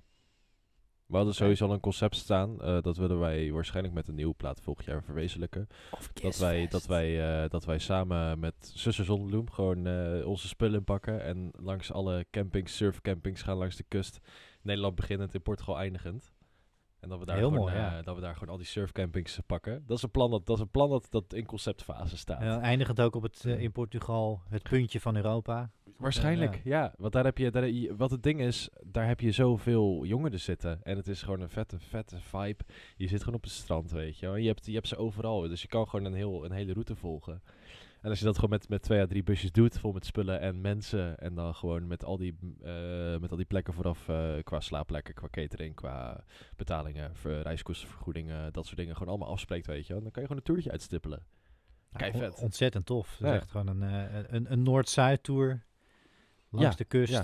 Surfcamp, En, eh, sur- de surftour. De caravan op pad, ja. Want een, eh, vrienden van ons, van de Tilburgse band Sizer, die hebben dat gedaan samen met de Koala's. En ik, ik, heb toen, ik had toen contact een beetje die, met die bassist van die de toenmalige Ja, bassist ja. van Sizer. Had ik toen gewoon nog steeds gewoon af en toe kort zeggen van, hey, hoe is het daar, weet je, hoe is het? En gewoon de verhalen die eruit komen, te gek, weet je wel. En daardoor wist ik ook alleen maar achteraf dat die, dat die, dat die plekken ook gewoon bands boeken. Dus ja. En als je daar gewoon nu begint in Bloemendaal bij, eh, bij Enter the Wave en dan eh, naar België toe gaat, of ik weet niet of ze daar surfcampings hebben, dan eh, Frankrijk, weet je wel, en dan kom je uit in Spanje en dan Portugal, weet je wel. Als je, dat, als je zoiets kan realiseren, het is gelijk een internationale tour. Het is een tour op superveel, op superveel vette plekken, allemaal langs de kust, waar superveel jongeren komen die echt De goede precies doelgroep. de goede doelgroep, die precies in die doelgroep passen. Dan raakt dat gewoon echt de goede plek. Moeten we eigenlijk nu al eh, mee bezig gaan voor volgend jaar? Ja, ik eh, doe ik al na het festival. Na nee, Fest. vakantie. En eh, ja, oh, na, na, na, na het festival ga ik denk ik even een paar dagen weg. Dat, Dan eh, komt deze surftour. eh En ja, je kan, en, tof. en, ja. en kan- ja, je kan natuurlijk zeggen, ja, de, de Los Angeles, San Francisco, Lowlands, hier Down the Rabbit Hole, eh, Glastonbury. Ja. Ook allemaal plekken die echt, echt super vet zouden zijn om mee te pakken. Maar dit is echt wel, zoiets zou gewoon een, een, ook wel gewoon echt zo'n droomavontuurtje zijn. Net zoals, net zoals het organiseren van een festival. Ja, ja dus dat, het, het leuke is dat voor jou die droom dan toch ook Ja. vooral altijd weer zit in zelf iets creëren, Ja. zelf iets neerzetten. Ja. En bijvoorbeeld, eh Rowan's show was dan, eh, zijn favoriete show van net was dan Stroomhuis. Bijvoorbeeld die van mij van vorig jaar was Camping Kalimaan. Dat is een camping in Flevoland. Dat was voorheen de festivalcamping van het Wildeberg Festival. Volgens mij een technofestival of zoiets.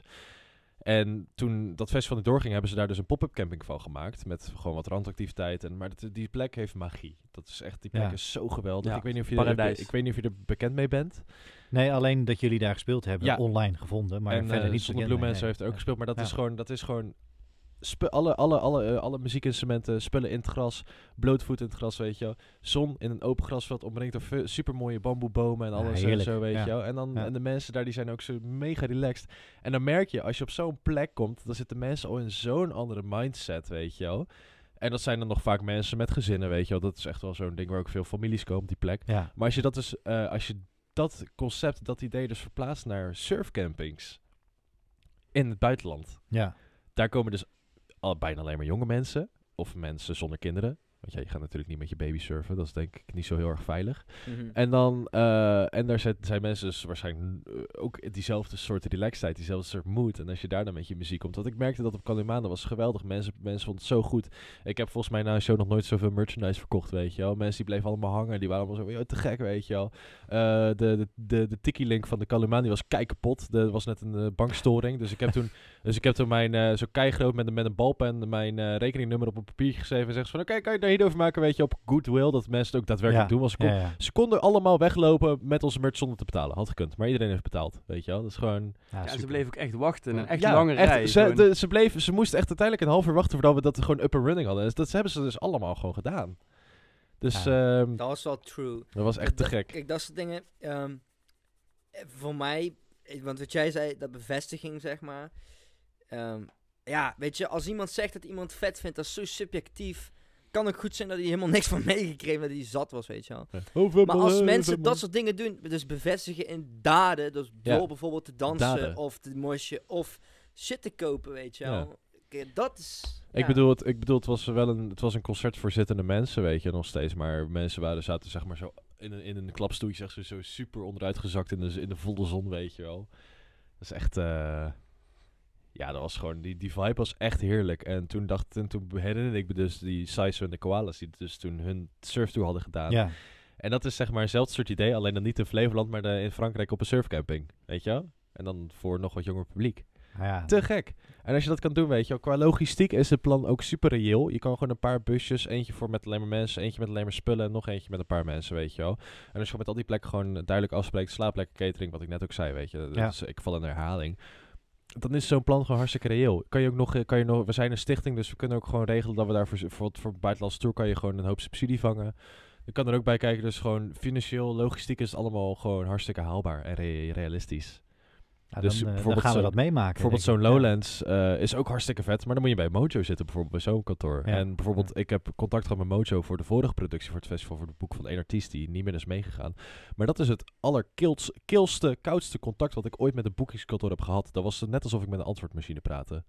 Dus ja, dat... eh, Terwijl ik een hele hoop andere boekers dat gewoon hartstikke leuk bellen, weet je op dingen bespreken, fijn brainstormen, leuke, goede compromis sluiten, weet je. Dat is, Ja. Dus ook natuurlijk een leerzaam traject wat dat betreft. Ook En- hartstikke en, daarom leerzaam. misschien ook voor jou wel al dat je zegt hè, dat terwijl andere bands zo hoe als we dat zo'n tour moeten gaan organiseren, hoe doe je dat? Ja. Jij hebt het eigenlijk al heel concreet voor ik- jezelf op ik- de rij staan. Ik ben, ik ben denk ik al een halve boeker, dus... eh, Ja, ja. en een Ja. manager en een PR-guy en een socializer, I guess. Een, Ja. een mensaapje, een aapjesmens. ja. Zoiets, geen idee hoe je het wilt benoemen. Maar bijvoorbeeld, ja, als je dan zo'n Lowlands ziet, weet je, super vet festival, heb ik ook goede herinneringen aan. Maar er staat gewoon bovenop, staat gewoon Mojo Presents. Ja, dan denk je zo van, ja, dat moet je dus via super officiële wegen, moet je dus, zeg maar, eh, daar binnenkomen. En dat is natuurlijk ook gewoon te doen, als je gewoon een goede contact hebt, een goede voet achter de deur. Maar zo'n surftour, ik kan, je kan gewoon zelf met die Enter the Wave campings en zo kan je gewoon contact opnemen. ja. Dus je hoeft alleen maar de balletjes op te gooien en dan kijken waar het landt. En dan, eh, wie weet landt wel hartstikke goed, wie weet landt het niet. En, eh, maar ja, we, zijn, we hebben allemaal wel geleerd om met, eh met, eh, met kutresultaten om te kunnen gaan. Ja, zoals, zo- zoals Muziekcafé Helmond, hè. Vorig jaar hadden wij dus een show staan in Muziekcafé Helmond in december, last minute. Superleuk met de Astoria, een Eindhovense band, voorheen The Reaction. Omgevormd tot Astoria, spelen ook op ons festival. Tof, Ehm, ja. Dat eh, was super last minute geboekt. Muziekcafé Helmond, allebei de beentjes. Super goede gage, want ze hebben subsidies. En toen, het was op een zondag en op zaterdag kondigden ze, kondig- kondigden ze opeens die nieuwe lockdown aan. Nou, poef, show weg. Dag van tevoren, weet je. ja. Ja, Dan, dan, leer je wel, dan leer je wel klappen te vangen. Net zoals het festival wat eruit ging vorige keer, weet je. Hartstikke, hartstikke pijnlijk. Dat was echt niet fijn. Maar Nee. ja, Ja, daar heb je wel even mee, mee gezeten. Dat sleepte wel even aan jou. Dat Ja. merkten wij alle twee wel. eh, dat het wel een... eh, ja, daarom heb ik toen dan drie weken alleen maar in, eh, in het meer gelegen bij mij om de hoek. ja, ja. Favoriete zwemplek, ja. Gat van Wouweren. Aanrader. Ja, ook, ook die tip is voor de luisteraars nog even om mee te Oh ja, nemen. ik, ik, maar, ben, ik heb helemaal geen je documentaire. hebt geen meer. Dat- Ik denk dat er genoeg kijk- en, eh en Ja. luister. Ik, Ja, ik, ik, noem, ja. ik, noem, ik noem er ja. gewoon eentje, de Buena Vista Social Club. Die, die documentaire van geweldig. Ja, heb ik ook gezien. nice. Ja, die hebben we Ja, toen hier je- met Street Festivals ook laten zien. Oh, zwaar, Ja. Nou, past dan misschien mooi bij dat idee van de strandtour. eh, dus dus kunnen we de link toch Ja. nog maken. Hey, nee, da- dank hiervoor. Daarmee sluiten we de, de standaardvragen af. De, de worpen waren spectaculair hier, eh, hier te zien. Dat, dat was mooi op, op de frisbee. Eh, nee, dank. We gaan ja, zoals gebruikelijk door naar het volgende Gaan we voor de volgende rubriek de Dat- frisbee gooien? Of? Dat, dat mag. Het, het zijn dilemma's. Misschien leidt het ertoe dat er frisbees gegooid Ik moeten ga de worden. frisbee gooien. Ja, de frisbee die, die vliegt door de ruimte hier nu.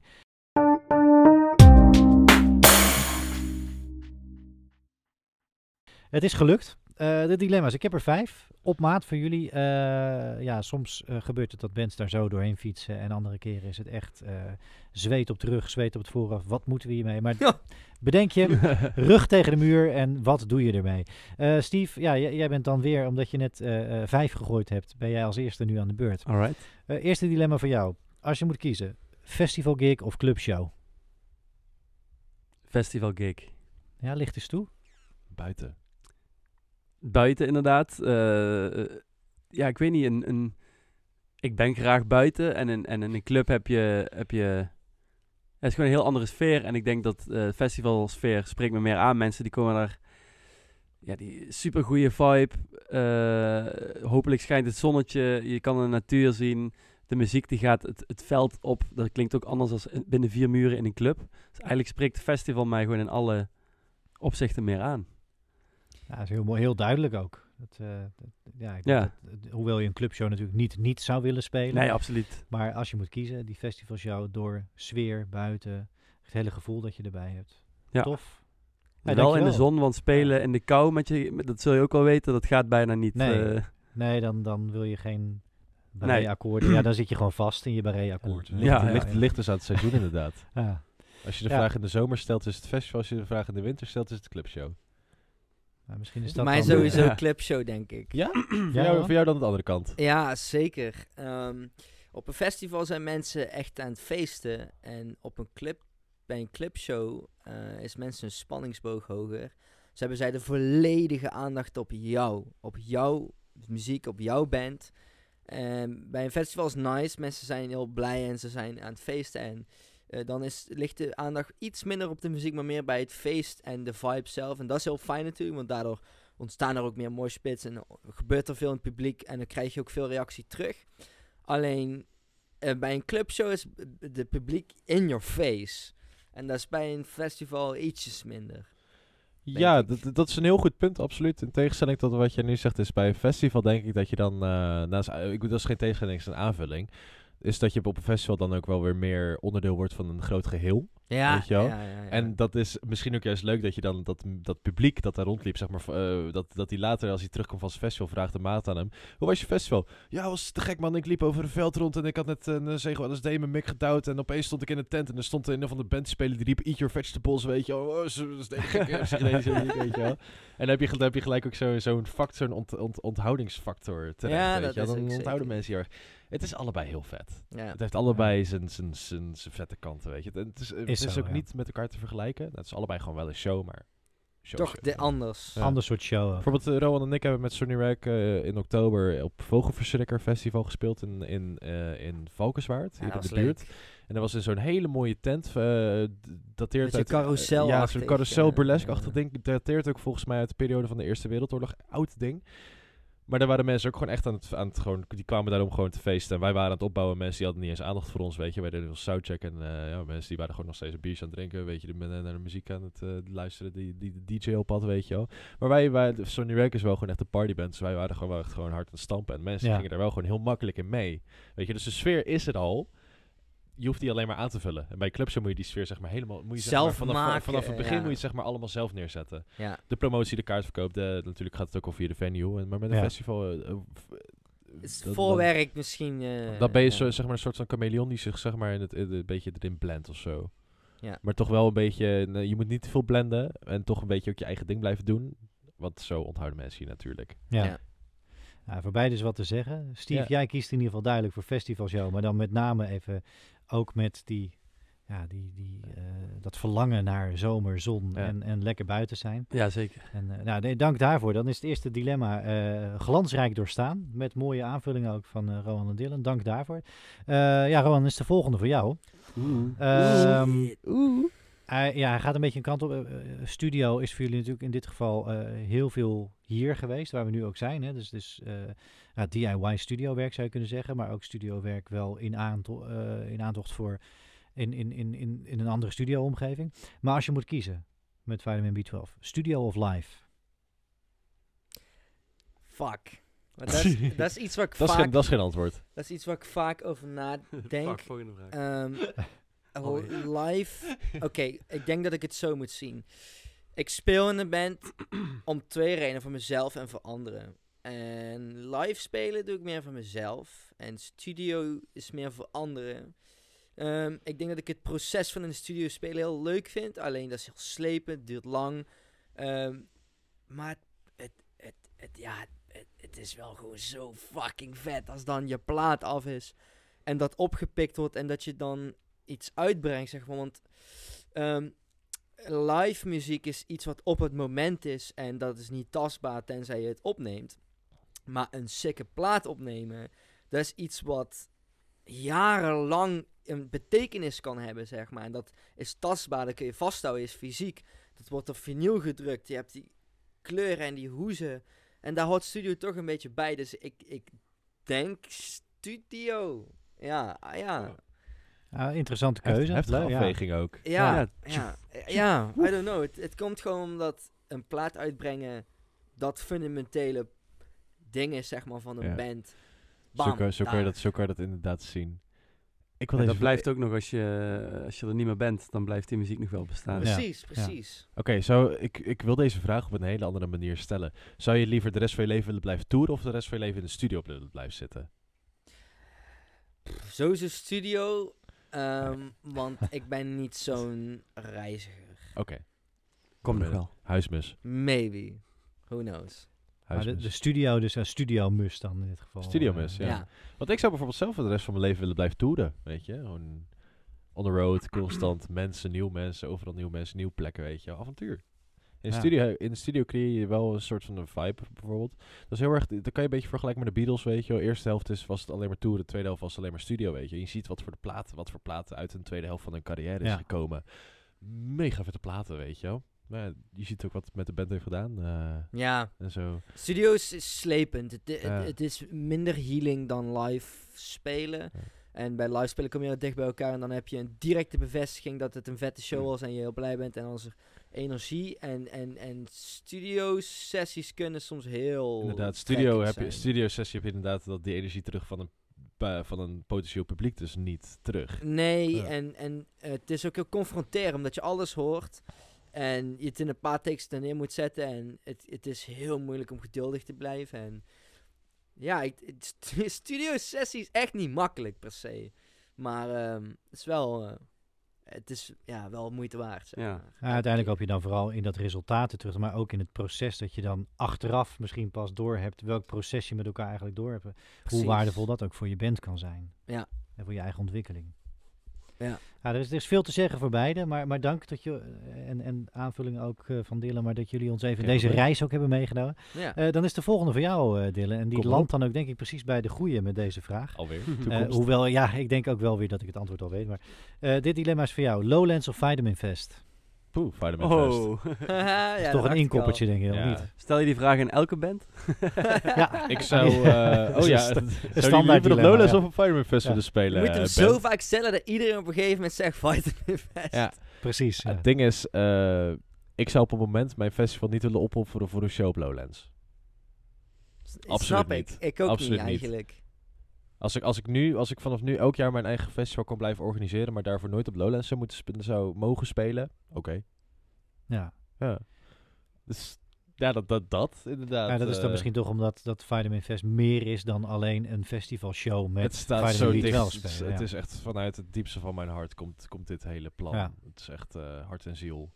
Bloed, zweet, tranen, maar ook heel veel leuke dingen, wat je net zei. Ja. Er zitten ook leuke dingen naast bloed, zweet. Het is ook nog leuk, ja. Het is ook nog leuk. Het mag ook leuk zijn. Ja, Af en toe.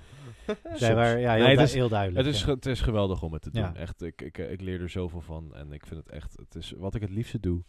Het, eh, ik, ik bel, eh, ik bel, eh, ik bel eh, twee, tweeënhalf uur per dag zit ik aan de telefoon. Ik, ik stuur vijf mailtjes per dag, eh, duizend chatberichten, weet je. Ja, Ja. dat- nou, en dat- gewoon weer cult in Eindhoven. Ook, gewoon ja. local shit. En breng cultuur naar de stad ja, van ik, Eindhoven. ik vind het cool, zeg maar, dat er een Lowlands show is, grote productie. Maar vroeger was het gewoon veel normaler dat er, dan echt vroeger vroeger, hè, 70s, 80s. Vroeger. Vooral in de 80s ehm, waren er gewoon veel bandjes en, en was heel veel cult en, en veel jeugd eh, en jongeren die zich ook daarna kleden en, en echt, eh, je had een scene. En die scene was zo groot en het was gewoon normaal dat er een plek was waar alleen maar black metal bandjes kwamen, waar black metal gasten kwamen, waar iedereen dacht van, wat is dit nou weer voor een volk hier met schmink op hun gezicht en overal stekels de armen, bladibla. Maar dat is die cult, zeg maar. En, en dat is zo weg eigenlijk, dat, ja, tuurlijk willen wij dat weer in leven brengen, zeg maar. Laat dat maar weer komen. Mhm. En ik ben benieuwd hoe, in hoeverre mensen daarin mee kunnen gaan. Want je hebt bijvoorbeeld Eindhoven Rock City is een platform. Ik probeer die aan alle kanten te bereiken, maar die reageerden gewoon niet.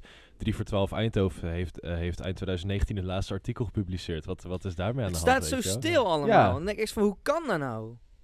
Inderdaad. Maar Ja. Laat dit dan ook een oproep zijn om even... 3 voor 12 te Eindhoven. Call doe eens iets. eh, fucking hell! Clip, clip, microfoon, clip. een clip Ja, overstuurt- oké, dit- overstuurd. Dit, dit stukje was, was hier ook wederom spectaculair, maar dat eh, was op de oren. Zitten de luisteraars nu waarschijnlijk eh, ergens tegen het plafond. Eh, Oké, nee, dank. Deze was duidelijk. Eh, de volgende is voor, eh, voor Steve. Ehm, ja, dit- deze komt een beetje eh, eh, voort uit om, omdat ik jullie avonturen daar ook eh, heb gevolgd. eh, en daar hebben we het over gehad in het begin, dat daar twee, ja, eigenlijk jullie twee prequels zijn eh, gedropt. Ja. Maar als je zou moeten kiezen, Spotify of Bandcamp als Bandcamp. platform. Ja? Ja, Bandcamp? Wel? Wat? Spotify is super slecht voor de artiesten. Bandcamp is, is gewoon, eh, eh, zo, zover ik weet, gewoon, eh, jij, wij zetten daar onze plaat op. Jij kan die kopen voor 10 euro en die 10 euro is van ons. Wij hebben volgens mij nog nul bereik gehad op Bandcamp. Wat is Ja, volgens mij Het ligt eraan hoe je dan de vraag... eh, ja, oh ja, hoe Spotify, iedereen heeft Spotify, dus je bereikt er meer mensen mee. Maar Bandcamp is veel eh, eerlijker naar de artiesten. Want volgens mij Klopt, hoeven hun zelf Ik- niks te hebben, volgens mij. Ik, ik ken wel een paar verhalen dat Bandcamp ook wel eens mensen financieel naait hoor. Bijvoorbeeld Severant, die band waar Rowan een tijdje in heeft gedrumd, die hadden een donatie van 20 dollar van iemand die gewoon een plaat verkoopt en een donatie er bovenop deed. En toen hebben ze daar gewoon 15 dollar van, in, van ingepikt.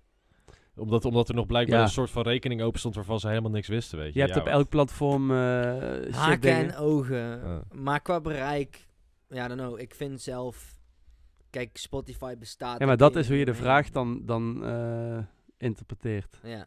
ja, dat is Ja. ook zo. Ja. Maar goed, deze vraag was voor Steve, hè? Ja. Vertel verder. Ja, ja. En, en Spotify, dat, ik, ik doe nu een opleiding tot geluidstechnicus. En daar hadden ze laatst verteld dat je hebt natuurlijk, als je een nummer op Spotify luistert, heb je de totale play. Maar je hebt ook Ja. mensen die een nummer 20 seconden luisteren en dan wegklikken. Eh, en dat is toch 0,0,0,01 cent wat je dan zou verdienen. Eh, stel dat je miljoenen mensen hebt die jouw nummer eh 10 seconden luisteren, dan zou dat toch weer geld kunnen zijn. En blijkbaar gaat dat niet naar de artiesten, maar gaat dat naar de grootste investeerders van Spotify. ja. Zo leren ze dat op die opleiding. Komt op een Dus- grote pot. eh, Ja, dus, grote dus ik hoor eigenlijk niet zo'n fijne verhalen over Spotify, maar toch vanuit de consument, vanuit het publiek, die vragen eigenlijk altijd standaard, oh, eh, wat moet ik dan op Spotify opzoeken? Of sta je op Spotify? En Ja, Spotify is ja. bijna een, een ding geworden van als je daarop staat, dan ben je goed of zo. Maar tegenwoordig kun je dat dus gewoon zelf, eh, zelf erop zetten. Maar ik zou dus, hoe ik de vraag interpreteer, Bandcamp, want die zijn in mijn idee eh, eerlijker naar de, naar de artiest. Ja. Oké. Ja, nee, dat is een heel duidelijk. Want je kan hem inderdaad op verschillende manieren aanvliegen, interpreteren. En eh, dan denk ik inderdaad ja, dat je bij, bij Bandcamp, die profileren zich inderdaad ook echt als dat platform. Maar daar vind je misschien vooral ook veel artiesten Ja. onderling. Mhm. En delen misschien inderdaad, wat, wat jij zei, klopt wel meer dat het misschien toch internationaal wat groter is dan in Nederland. dat het Nederland in is Nederland gewoon minder heel bekend klein. is. Ja. Heb ik het gevoel. En eh, ja, Spotify is, is bijna, eh, hoe zeg je dat, een soort entiteit geworden van zit jij Dat op zo- Spotify dat met is zo, ja, ge- dat is Ja. zo gevestigd Eh, in is- de muziekindustrie. ja. Dat is ongelooflijk. Ja. Maar goed, nee, duidelijk. Dankjewel hiervoor. En, en dan hebben we nog één dilemma over. En, en die is dan misschien gewoon collectief. Jullie die allemaal Oeh. kunnen eh, hierop op, op in kunnen, Eigenlijk is kunnen elke vraag collectief. Alle, Ja, we moeten, we moeten ook, vraag, ja, we moeten ook allemaal tegelijkertijd antwoorden. Dus tegelijkertijd praten. Eindeloze jam of catchy song? Tony Catchy Hawk. song. Tony Hawk. Shout out naar Tony Hawk. Eindeloze Jam of ik, eh, Tony Hawk zit ook eh, trouwens op de achterkant van onze EP eh, in de special thanks. Eh, Ah, Heeft veel voor ons betekend. Gaan we nog even zien dan. ligt eraan. Zelf zou ik... Catchy songs. Ik zou zelf het liefst oneindig in een Oh, jam vastzitten, omdat ik dat daar super erg van geniet. Maar ik zou... Maar Een Kom, Kom maar krachtig heeft ook een ding, hè? Ja, dat zijn we Dat nu aan het, dat aan het zijn we leren. nu aan het ontdekken, inderdaad. Want wij, en het is mooi dat je dat net zegt, want Ah. wij komen uit een proces waarin wij heel veel lange jam sessies hebben gehad. Waarin we zelf eigenlijk ook niet altijd even goed wisten waar we naartoe moesten. En we kregen dat ook wel eens te horen van mensen. Dat zoiets van ja, ik kon het echt niet meer volgen, zeg maar. En nu proberen we daar een beetje van bij te komen. En, en eh, iets te schrijven wat wel eh, pakt, zeg maar. Ehm, alleen ik denk dat er een verschil is tussen een catchy song maken of een song die blijft hangen. Want je hebt zeg maar catchy songs en dan heb je weer eh, de soort factor, zeg maar, waardoor mensen er niet omheen kunnen dat het leuk is, zeg maar. Voor trends en echte popmuziek. Of eh, een Suck My Kiss van Chili Peppers of een eh, Immigrant Song van Led Zeppelin. Die is catchy, omdat het blijft hangen. Maar het is wel gewoon een lompe track, weet je wel. En het is ook niet zozeer een per se korte track, zeg maar. En ik denk dat dat... eh, ja, ik weet niet. Eh, catchy of sticky zijn twee verschillende dingen, denk ik, Ja. of zo. En je hebt zeg maar sticky, dat is iets wat plakkerig is. Dat, dat wordt tegen je aangegooid en dat blijft zo aan je zitten. Zo, uh, dus alles wat nou op de radio gedraaid is, allemaal plakkerig als maar zijn kan. Dat is super rommel gewoon. Net zoals van die smerige lollies die aan je gehemel te blijven plakken, weet je. Maar te veel suiker. Als je die op hebt, dat dan je lippen aan elkaar plakken. Helemaal niks, helemaal kut. Hier haak ik even af, maar eh, ik geloof je. Ja. Maar andere, andere liedjes, zeg maar, eh, zoals goede oude popsongs, die zijn geschreven onder het mom van... Ik gooi een haak uit, heb je die haak in je lip, kun je nog kiezen of je me laat zitten of niet. Snap je wat ik bedoel? Ja, wat, wat, gaat, ja. wat was, Ja. wat was de vraag ook weer? Eindeloze jam of? Catchy song. Catchy Catchy song, songs. ja. Oké, nou ja, wat nou als een catchy song eh 20 minuten duurt? Kan ook toch? Nou ja, Rush bijvoorbeeld, of Pink Floyd of zo. En, want het blijft wel hangen, zeg Ja. maar. Ja. Precies. Bijvoorbeeld eh, metal, weet je wel, Echoes. Dat is... eh dat nummer Ja, Maar dat is niet echt te behappen voor... Ja, Ja, know. net, blijft, eh, dat blijft op een andere manier hangen. Ja, ja, klopt. Dat klopt. Ja, ik denk dat je het dilemma aardig ontleed hebt hier. Ja. En, eh, hè, we, we zijn van, van catchy naar sticky gegaan. Maar jij zit wel op dat spoor, Rowan. Ik hoor Steve heel duidelijk gelijk roepen. Eigenlijk het liefst eindeloos jammen. Tot in de eeuwigheid misschien wel. En, eh, Dylan, heb jij daar nog een, een gedachte over of een, een richting in? Of, of sta jij hier in de spagaat tussen? Eindeloos catchy jammen. Eindeloos catchy. Is, is dat dan de conclusie van de, de Ah, dilemma-ronde? Misschien wel, ja. Ja. Want je moet sowieso altijd blijven doen wat je wilt. Ah, het, het kan allebei als je maar blijft doen wat je wilt. ja. Ja, precies. Ja. Nou, laten we dat als Ja. gedachte vasthouden. Ja. En dan meenemen naar de over vijf jaar vraag. Five years. De, de slotvraag van de podcast en de slotvraag van, Over van deze epische aflevering. Ja, want het is, het is, het is hartstikke leuk, eh, Timo. Echt, ja, je doet het hartstikke tof. Ja, hartstikke vind ik bedankt. Echt ja, eh, te eh, gek. dankjewel daar. Nee, ja, jullie, eh, jullie heel erg veel dank voor gastvrijheid, voor verhalen en voor heel veel verhalen en openheid. En dat, De- dat waardeer ik zeer. Er moest even een storm tussendoor komen. Younes, eh, die heeft ons Ja. eh, vertraagd. Maar dan hebben- heb je ook wat. Wij hebben die storm trouwens Precies. opgenomen. We hebben die storm trouwens ook opgenomen en verwerkt in onze David Bowie Space Oddity cover voor Radio Kras. Oh, wauw. Dat Kijk. is echt eh, Ja. heel vet geworden. Over vijf jaar maken, wij, maken wij nog alleen maar nummers van onder de minuut lang. Want we begonnen met nummers van 12 minuten, 10 minuten. Nu, nu zijn ze inmiddels alweer 6 minuten. Binnenkort zijn ze 4 Eindeloze minuten. jams van één minuut. De Inderdaad. ontwikkeling is toch Nee, eh, naar één minuut toe. ja. Maar eh, serieus, eh, serieus beantwoord. Vijf jaar wil ik gewoon eh, een aantal vinylplaten op zak hebben. Ja. Want vinyl hebben we nog niet, maar dat is wel een droom. ja. En dat gaat, er- dat is ook Daar gaat het ook naartoe Daar gaat het ja. ook naartoe, daar zijn we heel druk mee bezig.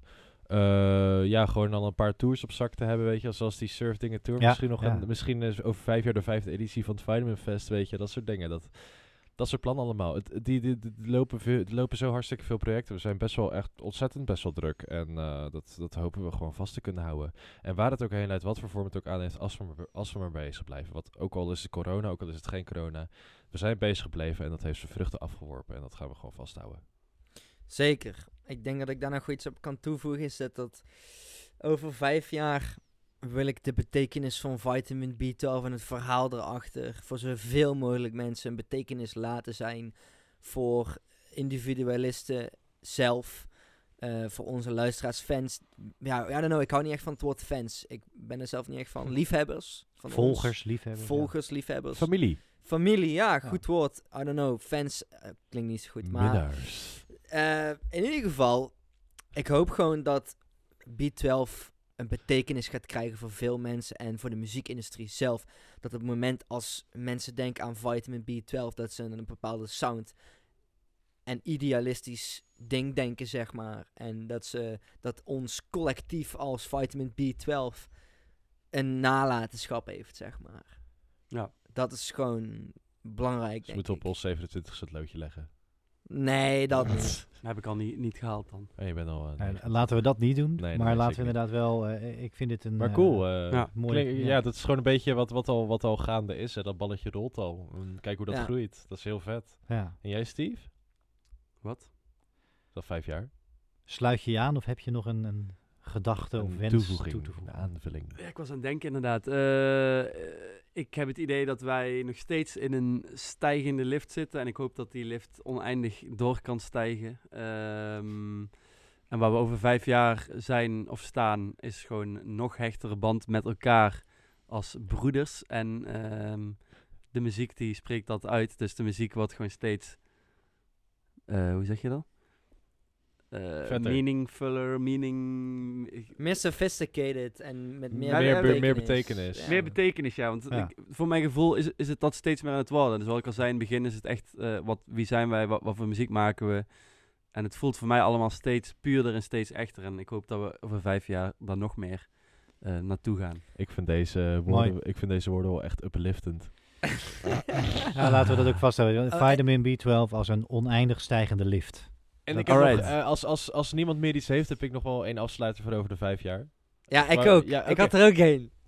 Nog meer. Allebei nog afsluitende woorden. Ja, ja? eerst. Oké, over vijf jaar zijn wij in de kruidvat te vinden op potjes Vitamin B12. Staan we daar zo met onze gitaar en twee romen, twee drumstoelen. Ja, Ja, ja, Hu- ja, ja. huismerk. Huismerk Huismerk. Vitamin B12. Eh, Ja. Dat maar- als, je dat als je op Google Vitamin B12 intikt, dat je dan eerst de band krijgt. Dat is een Ja. doel. Dat is het doel. Dat is het doel. Dat Ja, is ja, het doel. ja, ja, ja. Dan gaan we dat over Als je, op vijf jaar YouTube, als je op controleren, YouTube ja. zonder, uh, gewoon Vitamin B12 intypt, krijg je alleen maar van die video's over de Vitamin B12 deficiency.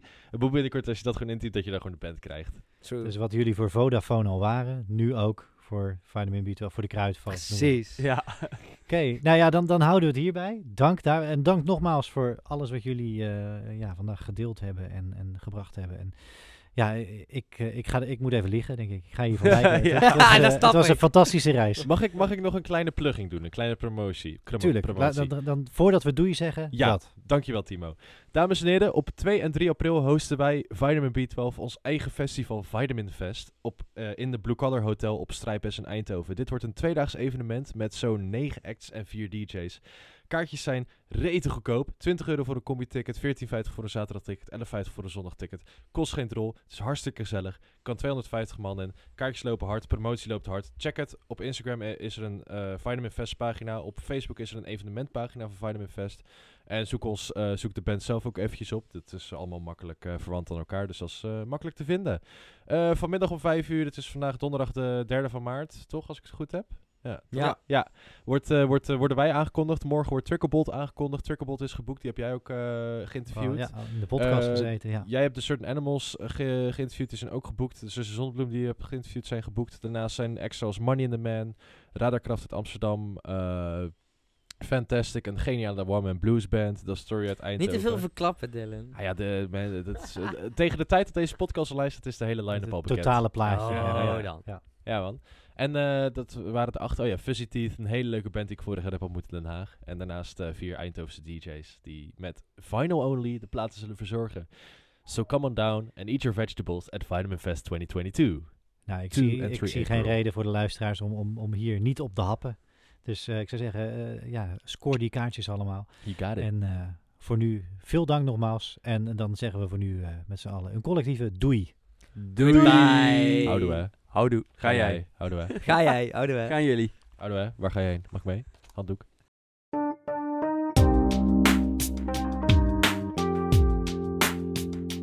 Dat was hem weer. Heel erg bedankt voor het luisteren naar Bandpraat. Je mag de komende tijd iedere week op maandag een nieuwe aflevering verwachten. En dus iedere week een nieuwe toffe artiest of band. Abonneer je op Bandpraat in jouw favoriete podcast-app en mis niets over al die toffe bands en artiesten die Nederland rijk is. Heel veel dank aan al die artiesten en bands die meedoen. Heel veel dank aan jou voor het luisteren. Spread the word en tot later.